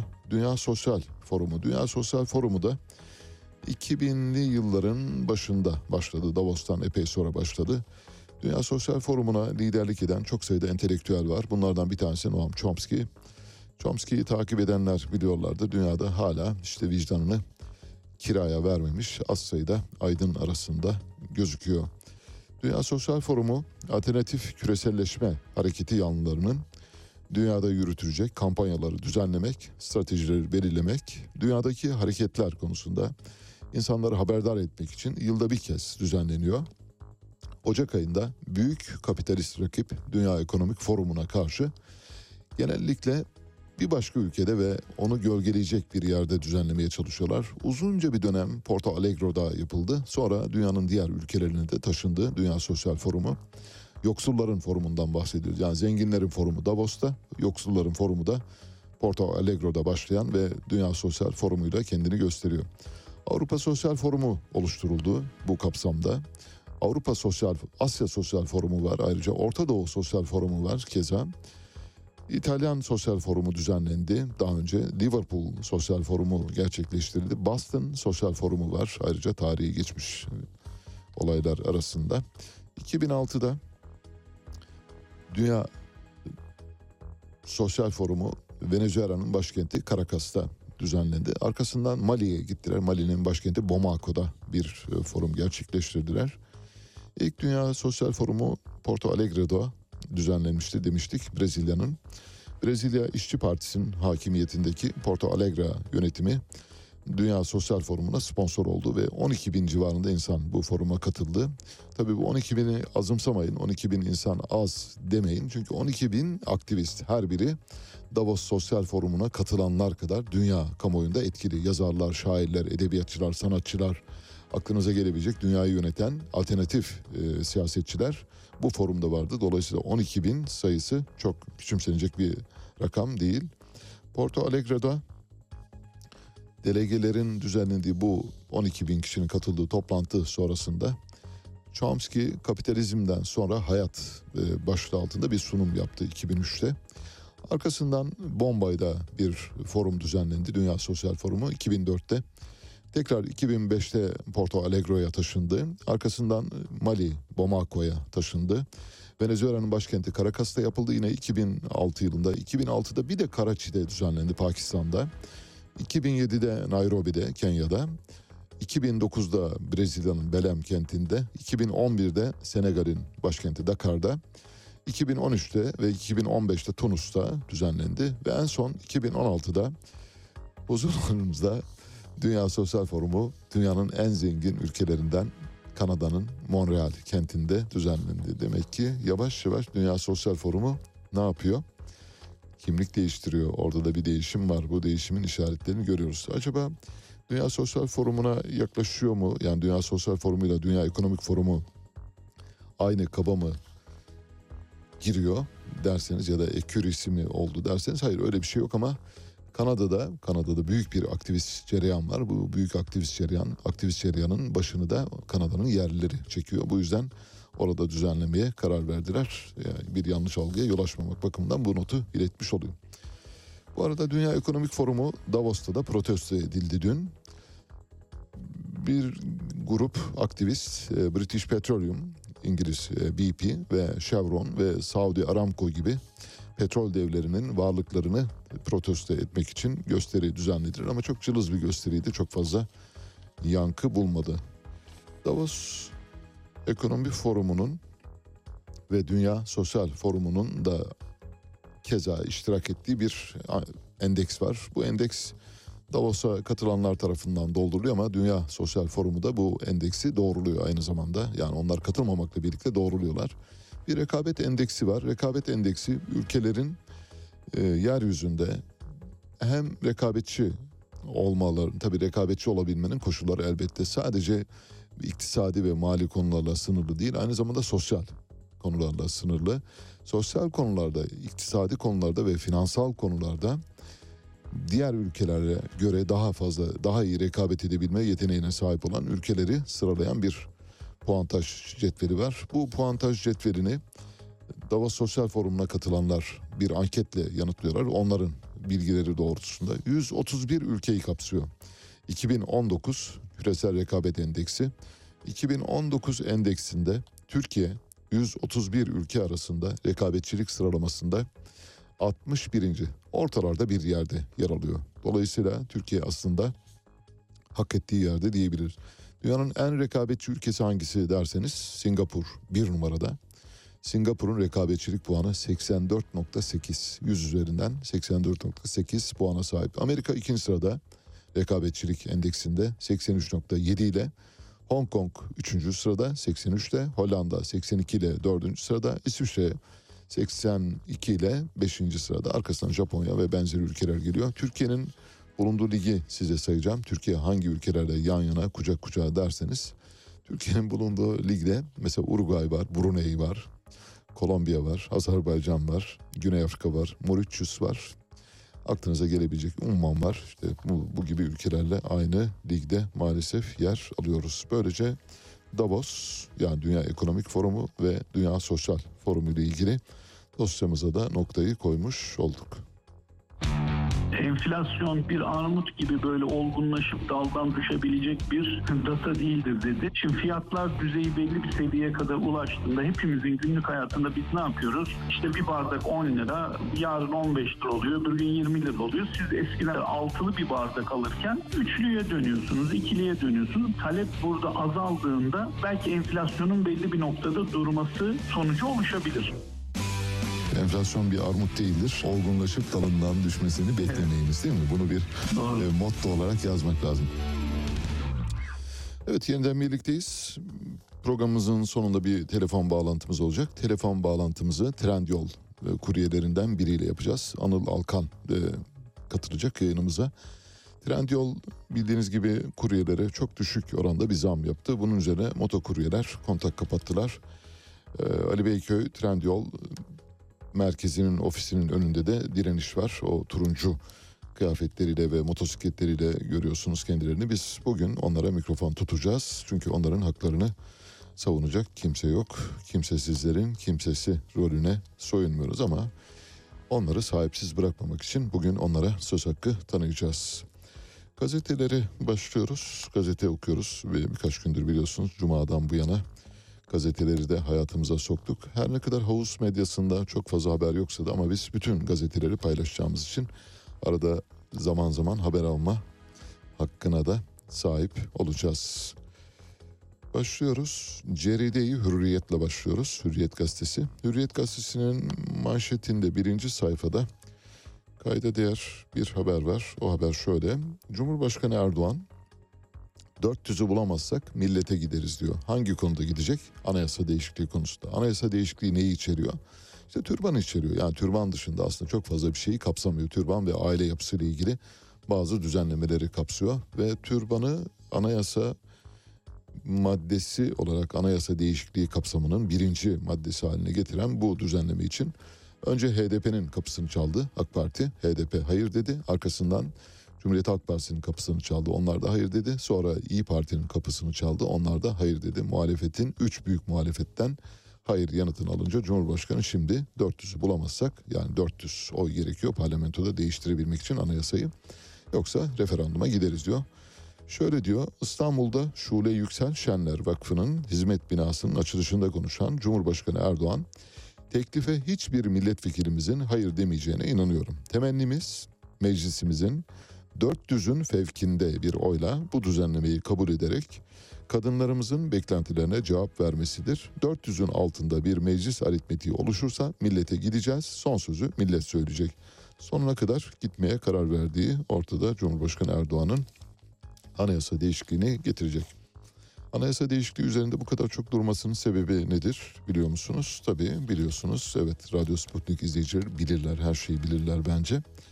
Bu değişikliğe karar vermesinin sebebi hikaye şu. iki tane sandık getirmek istiyor. İki sandık geldiği zaman milletin kafası karışacak. Niçin oy vermeye gidiyorsunuz? Vallahi hiç bilmiyorum yavrum gidiyoruz işte. Anayasa varmış ona vereceğiz. Ne var peki anayasada? İşte türban ben bak başımı açmak istiyorlar. Ya, o yüzden gidip vereceğim. Şimdi mesela sandığa böyle gidildiğini düşünün. Tabii egzajere ediyorum ama işte iki sandık büyük bir kafa karışıklığı yaratacaktır. Bu yüzden iki sandıklı bir seçime doğru gideceğimizi tahmin ediyorum. Şimdi sırada Mevkute'yi Sabah var. Sabah gazetesi. Sabah gazetesinde birçok haber var. Buradan paylaşacağımız haber şu. Ali Babacan ile ilgili bir haber var. Babacan Kandil ağzıyla konuşuyor diyor. Kim söylüyor bunu? Mehmet Barlas söylüyor. Sabahın başyazarı. Altılı Masa'nın ortağı DEVA lideri Babacan çizgiyi aştı. Anayasadan Türklük tanımını çıkarmayı önerdi. PKK'yı dağlardan silen SİHA'ları hedef aldı. HDP bile bu kadarına cesaret edememişti. HDP artık altılı masanın ortağıdır diyor Mehmet Barlas. Türkiye'nin en uzun boylu başyazarı Uğur Mumcu kendisini öyle niteliyordu. Biz de bunu hatırlatmış olalım. Milli Gazete, Milli Gazete'nin birinci sayfasında yargı tarihinde bir ilk başlığıyla bir haber var. Gazeteciyi engellemekten ceza yedi. Kim yedi? Fahrettin Poyraz. Fahrettin Poyraz kim? Tarım Kredi kuruluşlarının genel müdürüydü. Bildiğiniz gibi oradan görevden alındı. 8 ya da 10 maaşlıydı. Tarım Kredi Kooperatiflerinin başından alındı. Cumhurbaşkanı Erdoğan tarafından geçtiğimiz yıl görevden alınan Tarım Kredi'nin hukuksuz genel müdürü, bunlar Milli Gazete'nin ibareleri benim değil, hukuksuz genel müdürü Fahrettin Poyraz yapılan yolsuzluk haberlerinin üstünü örtmek için gazetenin haber yapmasını bilerek kasten, maksatlı ve organize bir şekilde engellemekten dolayı Milli Gazete Ankara Haber Müdürü Saadettin İnan'a 10 bin lira manevi tazminat ödemeye mahkum edildi. Şimdi bu haberin içinde özel ya da bizi ilgilendiren ne var derseniz ne olduğunu tahmin ediyorsunuz mesela bu haberi neden paylaştık? Şunun için paylaştık. Düştünüz mü size bir tekme daha vuruyorlar. Fahrettin Poyraz düştü. Bakın yargıdan nasıl tekmeyi yedi? Şu anda muhtemelen tekmeyi yediği yeri herhalde ovalamakla meşguldür. İşte düştüğünüz zaman bu oluyor. Dün 10 maaşlıydınız. Ali Kıran Başkesendiniz. Yediğiniz önünde yemediğiniz arkanızdaydı. Tarım Kredi Kooperatiflerinin genel müdürüydünüz. Oradan maaş, buradan ulufe, şuradan nema, öbür taraftan temettü. Her yerden cebinizi dolduruyordunuz. Ve bu günlerin bitmeyeceğini zannediyorsunuz. Bitti. Şimdi ne oluyor? Milli Gazete'nin bir haber müdürü size yargıdan bir karar çıkartabiliyor aleyhinizde 10 bin lira manevi tazminat. Düştünüz mü bir tekmede başkaları vurur. Şimdi düşmeye görün. Düştükten sonra bunları hatırlamak için, hatırlamanız için bir hafızayı beşer nisyan ile maluldür diye yazdık kenara koyduk. Akşam gazetesi Akşamda şöyle bir haber var. Akşamın bu haberi peşinen söylüyorum 20 yıl gecikmiş bir haber. Yani 20 yıl önce yapılan bir haberi, yapılması gereken bir haberi akşam bugün yapmaya karar verilmiş. Neden böyle oluyor derseniz vallahi akşamda muhtemelen bu konuda e, rahatsız olan ya da bu konudan dolayı konunun ne olduğunu söyleyeceğim. Bu konudan dolayı şikayetçi olan bir editör ya da bir muhabir ya da bir çalışan ya da bir, bir gazete yöneticisi ya çocuklar böyle bir şey var farkında mısınız? Bak böyle iş bu noktaya doğru gidiyor. Hiç kimse bunu yazıp çizmiyor. Orada da mesela birisi çıkıp demiyor ya abi bu 20 yıllık mesele ya Allah'ını seversen. Ya biraz etrafına baksan biraz sağa sola sorsan bunun böyle olduğunu 20 yıldır göreceksin. Ama sen şimdi uyanmışsın peki abi yapalım haberi. Ben işte o peki abi yapalım haberi okuyorum şimdi. Yabancı bakıcıların maaşları yükselince ailelerin yeni tercihi Afrikalılar olmaya başladı. Nasıl? Türkiye'deki Filipinli, Endonezyalı, Azeri, Özbek ve Türk dadılar yüksek maaşlar istemeye başlayınca Afrikalı bakıcılara talep son 3 yılda %80 arttı. Özellikle Etiyopya, Nijer, Uganda ve Kenyalı bakıcılara iş veriliyor. Ilımlı ve esnek çalışma koşulları da bu tercihte önemli rol oynuyor. 20 yıl önce yapılması gereken haber. Nereden biliyoruz? Ben Deniz daha önce çalıştığım bir televizyonda yönetici konumunda olan bir hanımefendi vardı. 20 yıl yani 20 yıldan daha geriye doğru gidiyorum. Mesela Kamerunlu bir bakıcı çalıştırıyordu. Biz de kendisiyle esir ticareti mi yapıyorsun falan demiştik o dönemlerde Kamerun'dan. Kamerun'dan bakıcı getirme 20 yıl öncesinden bak. Akşamın haberi 20 yıllık bakın 20 yıllık haberi size bugün okuyoruz. Çünkü akşamda birisi çocuğuna bakıcı tutmaya karar vermiş ama bir bakmış ki aa Azeriler, Özbekler, Kırgızlar, Türkmenler Ay şekerim gelmiyorlar vallahi bak 5000 dolar veriyorum gelmiyor yok. Yani dolar öyle kolay mı bak bir dolar kaç paraya çıktı 18.77 vallahi gelmiyor şekerim ne yapacağız bilmiyorum. Vallahi köye gittik köyde de işte bırakamazsın ki onlara şimdi. A'yı bilmez B'yi bilmez çocuğa neler öğreteceğini bilemezsin. Ha böyle cahil falan ya çocuğun cahil yetişmesini de istemiyoruz şekerim ne yapacağız vallahi. Aradık Moldovalı bile aradık. Ha bir de böyle derler mesela Moldovalı bile. Hani Moldovalı çok kötü ya. Hani Azeri, Özbek, Kırgız şahane birinci sınıf. Birinci sınıf bakıcı. Moldovalı bile aradık yok. Ya bulamadık maalesef. E mecburen ne yaptık? Etiyopya, Somali, Eritre, Cibuti, Kenya, Tanzanya falan oralara gittik. Orada var. Geliyorlar ve 300 dolara geliyor. Bulduk. Size de gönderelim. Bizde fazla var. Bizim kızın ablası var iki tane. Onlar da işsizmiş. Onlar da gelecek. E bırakır gelirler. Yok yok çocukları varmış ama bırakı, bırakabilecek durumdalar. İş buraya doğru gidiyor işte. Hikaye maalesef bu noktada 20 yıl önce yapılması gereken haberi bugün yapan Akşam Gazetesi. Peki Akit gazetesiyle devam ediyoruz. Akit'in birinci haberi yani Akit'te öne çıkan haberlerden bir tanesi şu. Hazine ve Maliye Bakanı Nurettin Nebati kişi başına gelirimiz 12 bin doları aşacak diyor. Kişi başına gelirimiz şu anda ne kadar? 2022 rasyolarıyla 8500 dolar civarında. Tabii kurdaki azalışı e, artışı dikkate almadan söylüyorum. Hani bir sabit kur hesabı üzerinden söylüyorum. 8500 dolar. 12 bin dolara çıkacak. Şimdi neredeyse yüzde 40 civarında bir artıştan bahsediyoruz. Bir yılda bir ülkenin milli gelirinin yüzde 40 artabileceği ile ilgili bir mucizeyi gerçekleştirecek bir delikanlı, bir baba yiğit, bir aslanlar aslanı varsa vallahi başımızın tacı söylüyorum. Yani Nurettin Nebati bunu yaparsa hiç böyle gözümüz arkada kalmadan Nurettin Nebati'yi sonsuza kadar destekleriz. Kişi olarak destekleriz. O anlamda söylüyorum. Şöyle diyor Nurettin Nebati, Hazine ve Maliye Bakanı 2022'de kişi başına gelirimizin 10 bin dolar seviyesini aşacağını, 2023 yılında da daha da yükselerek 12 bin doların üzerine çıkacağını öngörüyoruz dedi. Türkiye'nin 4 yıl aradan sonra yeniden faiz dışı fazla vermeye başladığını belirtiyor. Öncü göstergeler bütçe açığımızın %1'in altında gerçekleşeceğine işaret ediyor. Son 20 yılın en iyi bütçe performanslarından birini yakaladık diye konuştu. En iyi bütçe performansı dediği nedir biliyor musunuz? Dün bütçe rakamları açıklandı. Türkiye bütçesi 2022 yılında öngörülerin yani hükümetin yaptığı tahminin berisinde 133 milyar TL açık verdi. Hükümet bir tahmin yapmış. Bu tahmin çıtasını o kadar yükseğe koymuş ki mesela 250 milyar TL demiş. E birdenbire 133 milyar TL'ye düşmüş. Bunu başarı olarak sunuyor. E ben de koyarım çıtayı. Ben çıtayı mesela 500 milyar dolara koyarım. Sonra da derim ki bakın gördünüz mü 100 milyar dolar açık verdik bu da başarı. 100 milyar dolar açığınız var zaten. Yani siz 100 milyar üstelik de iki bütçe yapmışsınız. 2022 yılında uzun bir aradan sonra tarihsel olarak hiç yapmadığınız bir şey yapmışsınız. Temmuz ayında ek bütçe yapmışsınız. Ek bütçeye rağmen 133 milyar lira açık vermişsiniz. Bunu da başarı olarak sunuyorsunuz. Dahası var.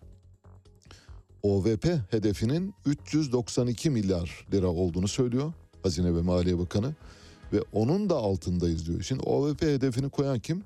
Vallahi sizsiniz. Berat Albayrak en son işte OVP böyle PowerPoint'lerle çocukların yaptığı PowerPoint'lerle çıkıp anlatıyordu ya. Onlarla sunuyordu böyle çok güzel janjanlı. Bu burası önemli, burası önemli falan diyerek konuşuyordu. İşte o OVP hedefi 392 milyar lira. Bütçe açığımız bunun altında kaldı diyor. Olabilir.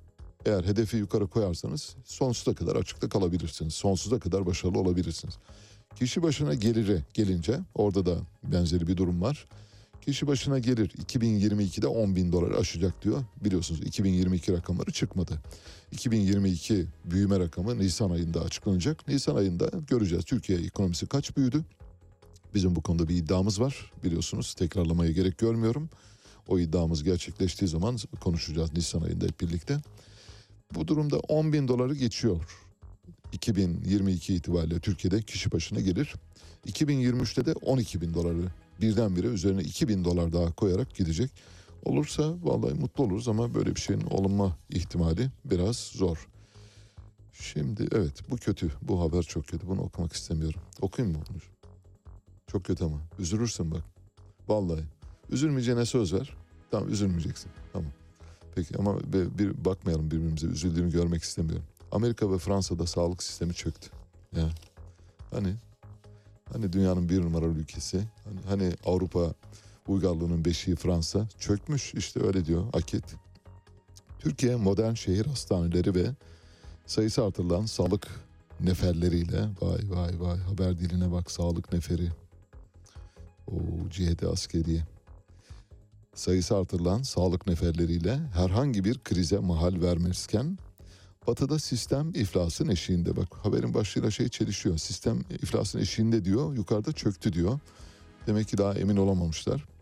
Amerika'da sağlık sektörü krizin eşiğine geldi. Sendika temsilcilerinden Michael Le Gonzalez üst sınıfın korunduğunu ve herkese sahip çıkılmadığını itiraf ederken acil servis çalışanı Bunny Nashel ise hastaların ve çalışanların hayatını mahveden korkunç bir sağlık sistemimiz var. Şimdi isimleri verilen kişileri ara ki bulasın. Mesela Michael Leo Gonzalez kim bilmiyoruz. Benny Nashel kim bilmiyoruz. İşte iki tane vatandaş. Personel eksikliği ve maaş yetersizliği ve yatak kapasitesi azlığı sebebiyle kriz yaşanan Fransa'da ise acil servislerde bekleme süresi 19 saate ulaşırken acil yatışı istenen hastaların hastaneye sevk edilme süresi 3 güne çıktı. Aksaklıklar hasta doktor çatışmalarını had safhaya taşıdı. Eyvah çok kötü. Çökmüş bir de doktorlara saldırıyorlar. Bu bizde yok değil mi? Doktorlara saldırı falan oluyor mu? Olmuyor. Ben hiç hiç rastlamadım. Yani bugüne hiç hatırlamıyorum. Çok olan. Hastaneler de çok güzel. Hemen gidiyorsunuz. Yani zili çalıyorsunuz. Açıyorlar sizi içeri alıyorlar. Hemen. Zile basıyorsunuz. Alo kimsiniz? Ben geldim. Buyurun buyurun tabii terliklerinizi veriyorlar. Hemen içeri alıyorlar sizi. Böyle. Türkiye'de böyle. Amerika'da çok kötü. Fena halde. Sağlık neferleri. Şu anda. Allah'ım aklımı kor. Peki. Yeni Şafak. F-16'da anlaşma sağlandı diyor Yeni Şafak'ın manşeti. Manşetin hemen yanındaki bir haber. Dışişleri Bakanı Mevlüt Çavuşoğlu'dan mülhem bir haber. F-16'da askeri müzakerelerin sona erdiğini ve itiraz olmazsa sürecin tamamlanacağını söylemiş Mevlüt Çavuşoğlu.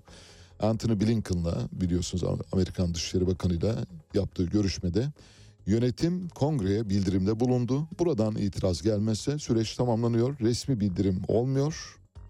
Yönetimle her düzeyde anlaşmalar sağlandı diyor. F-16'lar neydi? F-16 parasını verdiğimiz uçakları vermiyor Amerika Birleşik Devletleri bize. Parasını verdiğimiz uçakları vermediği gibi projesine katkıda bulunduğumuz ve çözüm ortağı olarak, paydaş olarak üretiminde bulunduğumuz F-35'leri hiç vermiyor. Bir de bizi oradan çıkardılar. Şimdi F-16 meselesi bir yılan hikayesi. F-16 parasını verdiğimiz uçakları alabileceğiz diye seviniyoruz şu anda. Şıkır şıkır oynuyoruz. Çok güzel bir haber var Yeni Şafak'tan. Avrupa'da kokain pizzadan hızlı teslim ediliyor. İşte ben böyle. Tamam işte bak. Hizmet bu. Hizmette sınır yok. Avrupa'da kokain almak pizza siparişi vermekten kolay hale geldi. Uyuşturucu satıcıları siparişleri 20 dakikada kapıya götürüyor. 2021'de Avrupa'da 3,5 milyon kişinin en az bir sefer kokain kullandığı belirtiliyor, belirtiliyor. Özellikle Belçika ve Hollanda'da durum alarm seviyesinde. Kokain daha çok ana maddesi olan koka ağacının yaygın yetiştiği Bolivya, Kolombiya ve Peru gibi ülkelerden geliyor. Ansiklopedik bilgileri iyi. Haberi yazanın ansiklopedik bilgisi şahane. En azından kokaini yanlış yerlerde yetiştirmemiş. Doğru yerlere işaret etmiş. Kokain 20 dakikada geliyormuş. Bilginiz olsun. Eğer hani hızlı servis istiyorsanız Avrupa'ya giderseniz oradan çok daha hızlı. Yalancı bahar geldi diyor Yeni Şafak. Bu haberi biz de Cuma günü üzerinde epey durmuştuk. Hatta bir izleyicimiz bu kadar çok e, kuraklık, bu kadar çok susuzluk haberi çok olmadı mı gibi demişti. Hayır olmadı dedim. Nitekim kuraklık kapımızda. Bakın bugün Ocak ayının ortasını geçtik ve Ocak ayının ortasını geçtiğimiz halde bir damla yağmur yok, kar hiç yok. Hava sıcaklığı da saat 5'te ölçtüm, arabaya baktım, arabanın termometresine baktım 12 derece. Dolayısıyla kışın ortasındayız, zemherideyiz, erbayindeyiz ve biz hala soğuklarla tanışamadık, karla tanışamadık. Büyük bir kuraklık geliyor, çok büyük bir kuraklık geliyor. Öyle böyle değil. Yani bütün bir yaz boyunca hepimizi çok etkileyecek bir kuraklıktan bahsediyoruz. Şöyle diyor Yeni Şafak. Yurt genelinde hava sıcaklıkları uzun süredir mevsim normallerinin üzerinde seyrediyor. Yağışlı hava beklenirken sıcaklıkların artacağı belirtiliyor. Bazı iller 21 dereceye kadar yükselecek. Sıcaklık nedeniyle yalancı bahara aldanan bazı ağaçlarda çiçek açtı diyor. Ben henüz görmedim çiçek açan ağaç. Bakalım göreceğiz herhalde. Muhtemelen bazı yerlerde vardır. Cumhuriyet Gazetesi, Cumhuriyet'in manşeti şöyle. Büyük dayanışma. Sağcısından solcusuna vekillik ve bakanlık yapmış isimlerden İmamoğlu'na destek.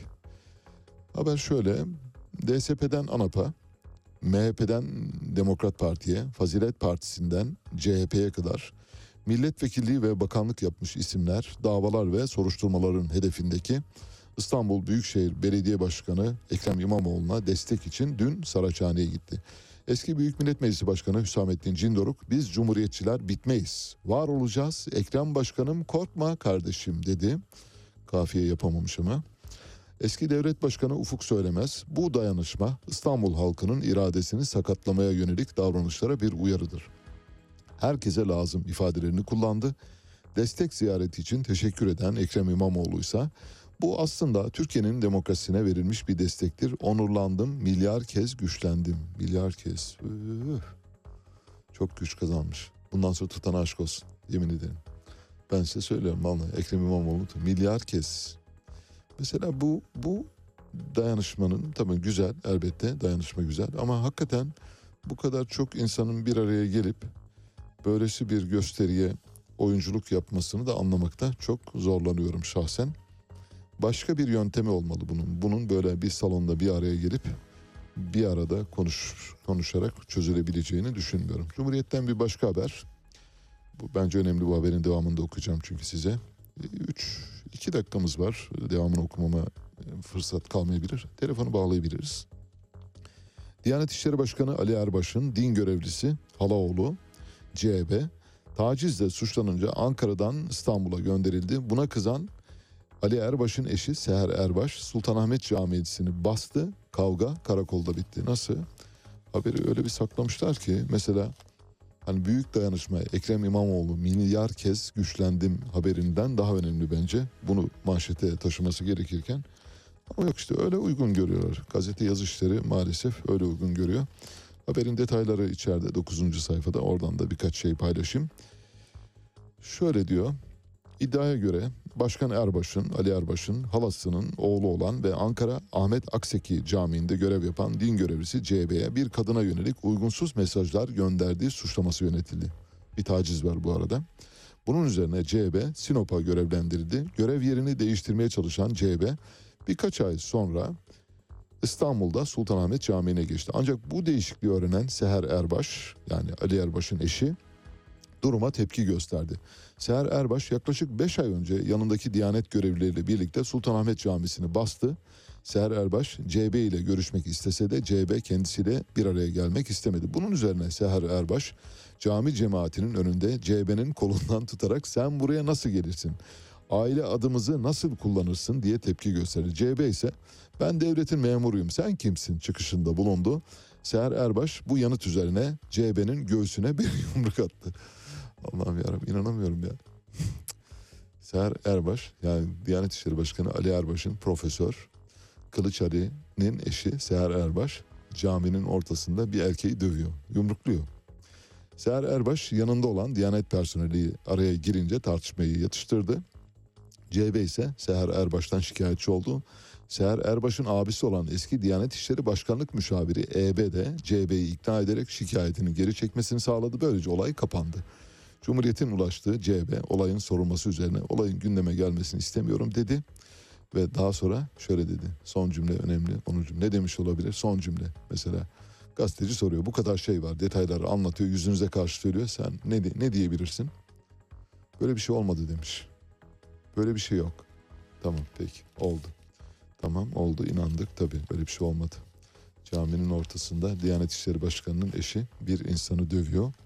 Ortalık yerde her şeye saçılmış vaziyette. Peki geldik telefon bağlantısı saatimize. Trendyol kuryeleri bildiğiniz gibi düşük zam oranını protesto için Trendyol önünde iş yerlerinde kontak kapattılar.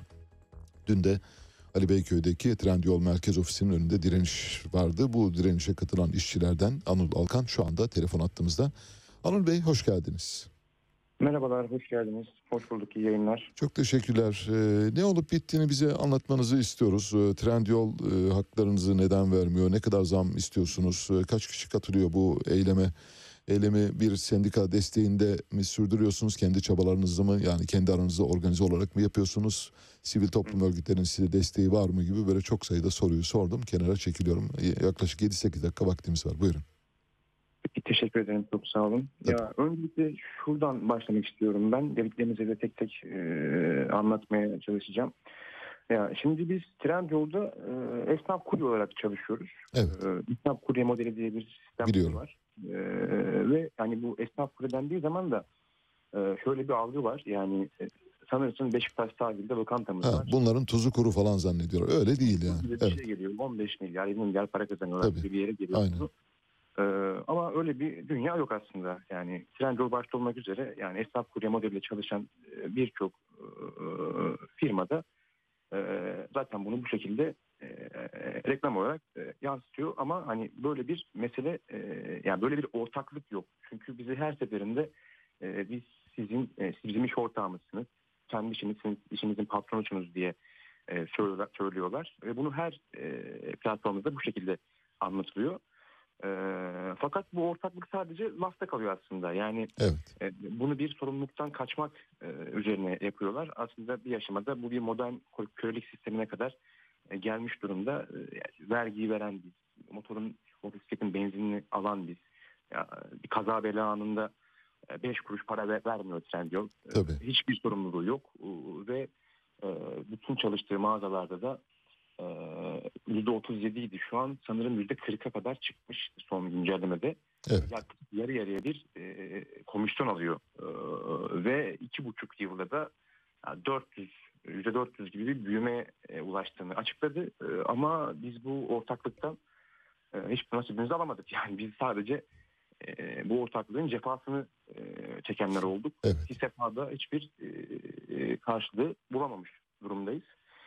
E, öncelikle bunu anlatmak istedim yani bu önemli bir mesele. Çünkü Tabii. e, çok fazla yani bir e, 15 Çok speküle ediliyor çünkü. Evet yani bunlar esnaf kuruya, bunların e, tuzu kuru, bunların paraya ihtiyacı yok. Fazlaya çalışıyorlar demek istiyorlar. Öyle bir şey yok. Evet. Evet yani Hayat memat mücadelesi veriyor herkes. Evet. bile koltukta çalışılıyor ve bu kazanılan para tamam, bir miktar belki de bir çalışandan fazla para geçiyor eline ama yani bu bir e, yani nasıl ki fabrikalarda bir tersanelerde inşaatlarda bir güvenceli çalışma e, yoksa burada orada olmayanın ya orada olanın iki katı kadar bir güvencesizlik var. Evet. E, e, çünkü bir kaza yaptığın anda bütün konu kapanıyor aslında. Biriktirmiş olduğun üç kuruş kenara atabildiğin bu dönem, için en azından o paraların hepsi o kaza anında Tabii. ortadan kayboluyor.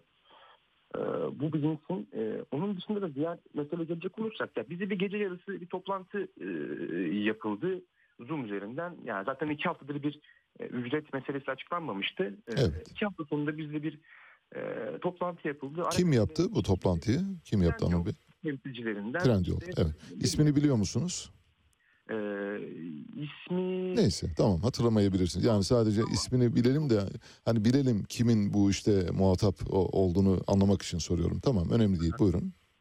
Ee, ya paralı asker artık diyoruz biz öyle bir aşamaya geldik Evet. çünkü çünkü şöyle bir yere geliyor konu Ee, eskiden bir e, ofislerde gidip görüştüğümüz zaman yani hakikaten oradakiler de ofis çalışanları onlar da emekçiler ve onlar da ücretli çalışan olarak ele alabiliyorduk ama bir aşama sonra e, bu bu konu biraz daha e, şeye geldi yani oradakilerin e, sanırsın hani kuryeler e, baş belası bir sorun e, tiplerdir konusuna ikna oldular. Evet. E, tabii ki de onlara da buradan çağrımızdır. Yani lütfen e, onlar da bilsinler ki siz de bu Trendyol'un ortağı değilsiniz.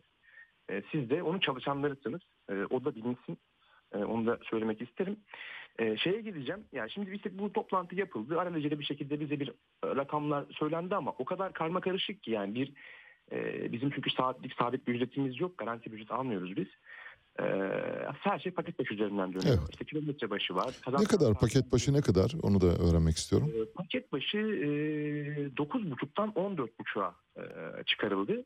E, ama bunlar tabii şöyle e, kalemleri var bunun. Yani işte çoklu sipariş olduğu zaman 14.5 e, artı ikinci sipariş 8 lira Anladım. bir şey Tamam. deniliyor. Tamam. Peki. E, ama işte yani bunun dışında kilometre e, başına 2.20 gibi bir şeye Tamam. Evet bir hesabı var onun. Evet. Yani Tamam. bunun çok karışık bir hesabı aslında. Karışık hiç girmeyelim o işe peki. Ben özetlemeye çalışacağım Tamam. bunu bir aşamada. Evet. Yani işte bu yapıldı ama bunu bizim anlamamız bile bir zaman aldı. Yani diğer birçok arkadaşımız zaten çalışarak anlamaya çalıştı. Hani biraz çalışayım sabahtan başlayayım. Ya o yüzden eylemlere akşam üzeri katılanlar da vardı. Yani e, bir anlayalım ne kadar veriyor. Biz normalde şimdi atıyorum 46 paket attığın zaman sen şu kadar para alıyordunu biliyorduk. Bunu böyle yaparsak ne kadar olacak diye bir anlamaya çalıştı bir kısım. Bir kısmı da baştan anlayıp e, ofis önlerine işte buluşma alanlarına gitti. Ee, ya bu ortaklık artık sözdeydi ve bunu bozduk aslında bir aşama sonra. Ee, Evet. Dün de bunu yaşadık. Bu ortaklık bozuldu ve biz eylem başlattık. Ee, şimdi bizim belli başlı isteklerimiz var haliyle. Evet Yani, onları bir sayalım lütfen. e, işçiyiz. biz patron ortağı değiliz. Ve bu isteklerimiz de kabaca şöyle söyleyebilirim. Yani 30 paket e, ortalamasında 10 saatlik çalışma içerisinde yani kabaca 10 saat 30 paketlik bir e, paket atabiliyorsun. E, burada bir 3300 liralık bir e, para kazanmayı bekliyoruz. Tabii bu Tamam. kazancın içinde dediğim gibi vergisi, benzini hepsi bize dahil. Her şey var. Evet. bilinsin. E, düşelim buraya not olarak. E, onun dışında e, yani en önemlisi olan şey yani İşveren ne kadar veriyor size bunun için? Sizin 1300 lira talebiniz var. O ne kadar veriyor? Ya 1300 lira biz bunu kabaca bir hesapla yaptık ama normalde şöyleydi. 30 pakete e, aşağı yukarı e, 600 liraya geliyor e, şey. E. Anladım. Ya beş- 550 de oluyordu, 650 Anladım. de oluyordu. Biraz değişkendi ama 1300 istiyorsunuz. Tamam. biz Peki. Trend, Trendyol'a bırakıyoruz. Trendyol her şeyi inceleyip sık dokuyorsa bunu da e, bir şekilde e, ayarlasın ve bize bu saatte, bu pakete e, bu kadar ücreti e, versin e, diyoruz. Kazandıran saatler diye bir sistemimiz var. E, kendisi bir baş belasıdır. E, akşam sabah yani e, akşam beş buçuk ile e, akşam 10 arasında Hı hı. e, e, yapılması zorunlu olan bir şey. Bu saatlerde mola hakkımız bile yok. E, hafta sonu bu 7 saate falan çıkıyor. O saatlerde 7 saat boyunca mola kullanamıyorsun. Evet. Yani hiçbir temel ihtiyacını gidereceğim, gidereceğim bir e, ortam yok. Evet. E, yine sözüm ona yani istediğin zaman çalışabilirsin sana kalmış denen bir sistemin sunduğu e, bize e, çalışma e, mantığı. Bunun biraz azalmasını istiyoruz. Yani 23 saat çok fazla bunun 18'e zorunluluğu yani 18'e indirilsin ki biz en azından e, onu ona göre ayarlayabiliriz. Tabii dinlenebilirim diyorsunuz elbette. Evet, buna göre ayarlayabilelim ve mola hakkı da içerisinde olsun bunun. Yani e, Evet. sonuçta her türlü e, sorunla karşılaşabiliyoruz. Evet. Peki önemlisi süremizin sonuna yaklaştık. Ee, Birkaç cümle daha ilave ederseniz. Bir de kaç kişi katılıyor onu merak ediyorum ben. ya aşağı yukarı şu an 3000 e, civarında e, Kurye katılıyor. Güzel. e, biliyoruz. E, Güzel. son maddeyi ve birkaç cümle daha ekip hemen Lütfen. toparlayacağım. Tabii. E, ya, eylemlere katılan arkadaşlarımızın kesinlikle işten çıkarılmamasını e, istiyoruz. Ya bu çok e, kritik. E, bunun aksi durumunda yani bu meseleyi e, biz de eli yükselterek gerekirse arkadaşlarımızın yanında e, bu işi e, bırakacağız yani e, en sonunda. Son olarak da şunu söyleyeyim. Ya şimdi bizim bugüne gelene kadar ki vaziyette hiçbir birlikteliğimiz yoktu. Çünkü hepimiz esnaf ve herkes kendi motorundan peşinde bir oraya bir oraya gidiyor. Sabit bir yerimiz yok. Evet. Ee, o açıdan e, bizim e, süreklileşmiş bir e, birliklere ihtiyacımız var. Ya gerek sendikayla, gerek dernekle, gerek partilerle Anladım. E, ne olursa bir şekilde bugünlere gelmeden e, hazırlık yapmamız lazım. Yani Tabii. e, son dönemlerde olmaması gerekir bu meselenin. O yüzden e, bütün işçi arkadaşları, başta motokurye arkadaşları e, bu birliktelikleri Örgütlenmeye ve dayanışmaya çağırıyoruz. Peki. e, çağırıyoruz. E, Peki. böyle. Peki. Kolay kolaylıklar diliyoruz size. Ee, başarılar diliyoruz ayrıca mücadelenizde. Arkanızdayız, yanınızdayız her zaman. Peki Anıl Alkan'la konuştuk. Trendyol Go işçisi. Trendyol işçileri şu anda 3000 işçi e, düzenli eylemlere başvurdular. Sendikalaşmanın e, en önemli çözüm olduğunu zaten biraz önce Anıl Alkan da bize anlattı. Örgütlü gücün karşısında hiçbir kuvvet duramaz. Bitirdik. Bugünün de sonuna geldik. Bu programı kumanda masasında Onur Er, editör masasında Doruk Kurgancı ile birlikte gerçekleştiriyoruz. Birazdan Mehtap Yenidoğan saat başı haberlerle karşınızda olacak. Size bugün Tom Baxter'dan parçalar seçtik. Tom Baxter'ın kült parçası My Declaration. Hepinize çok güzel bir gün diliyorum. each day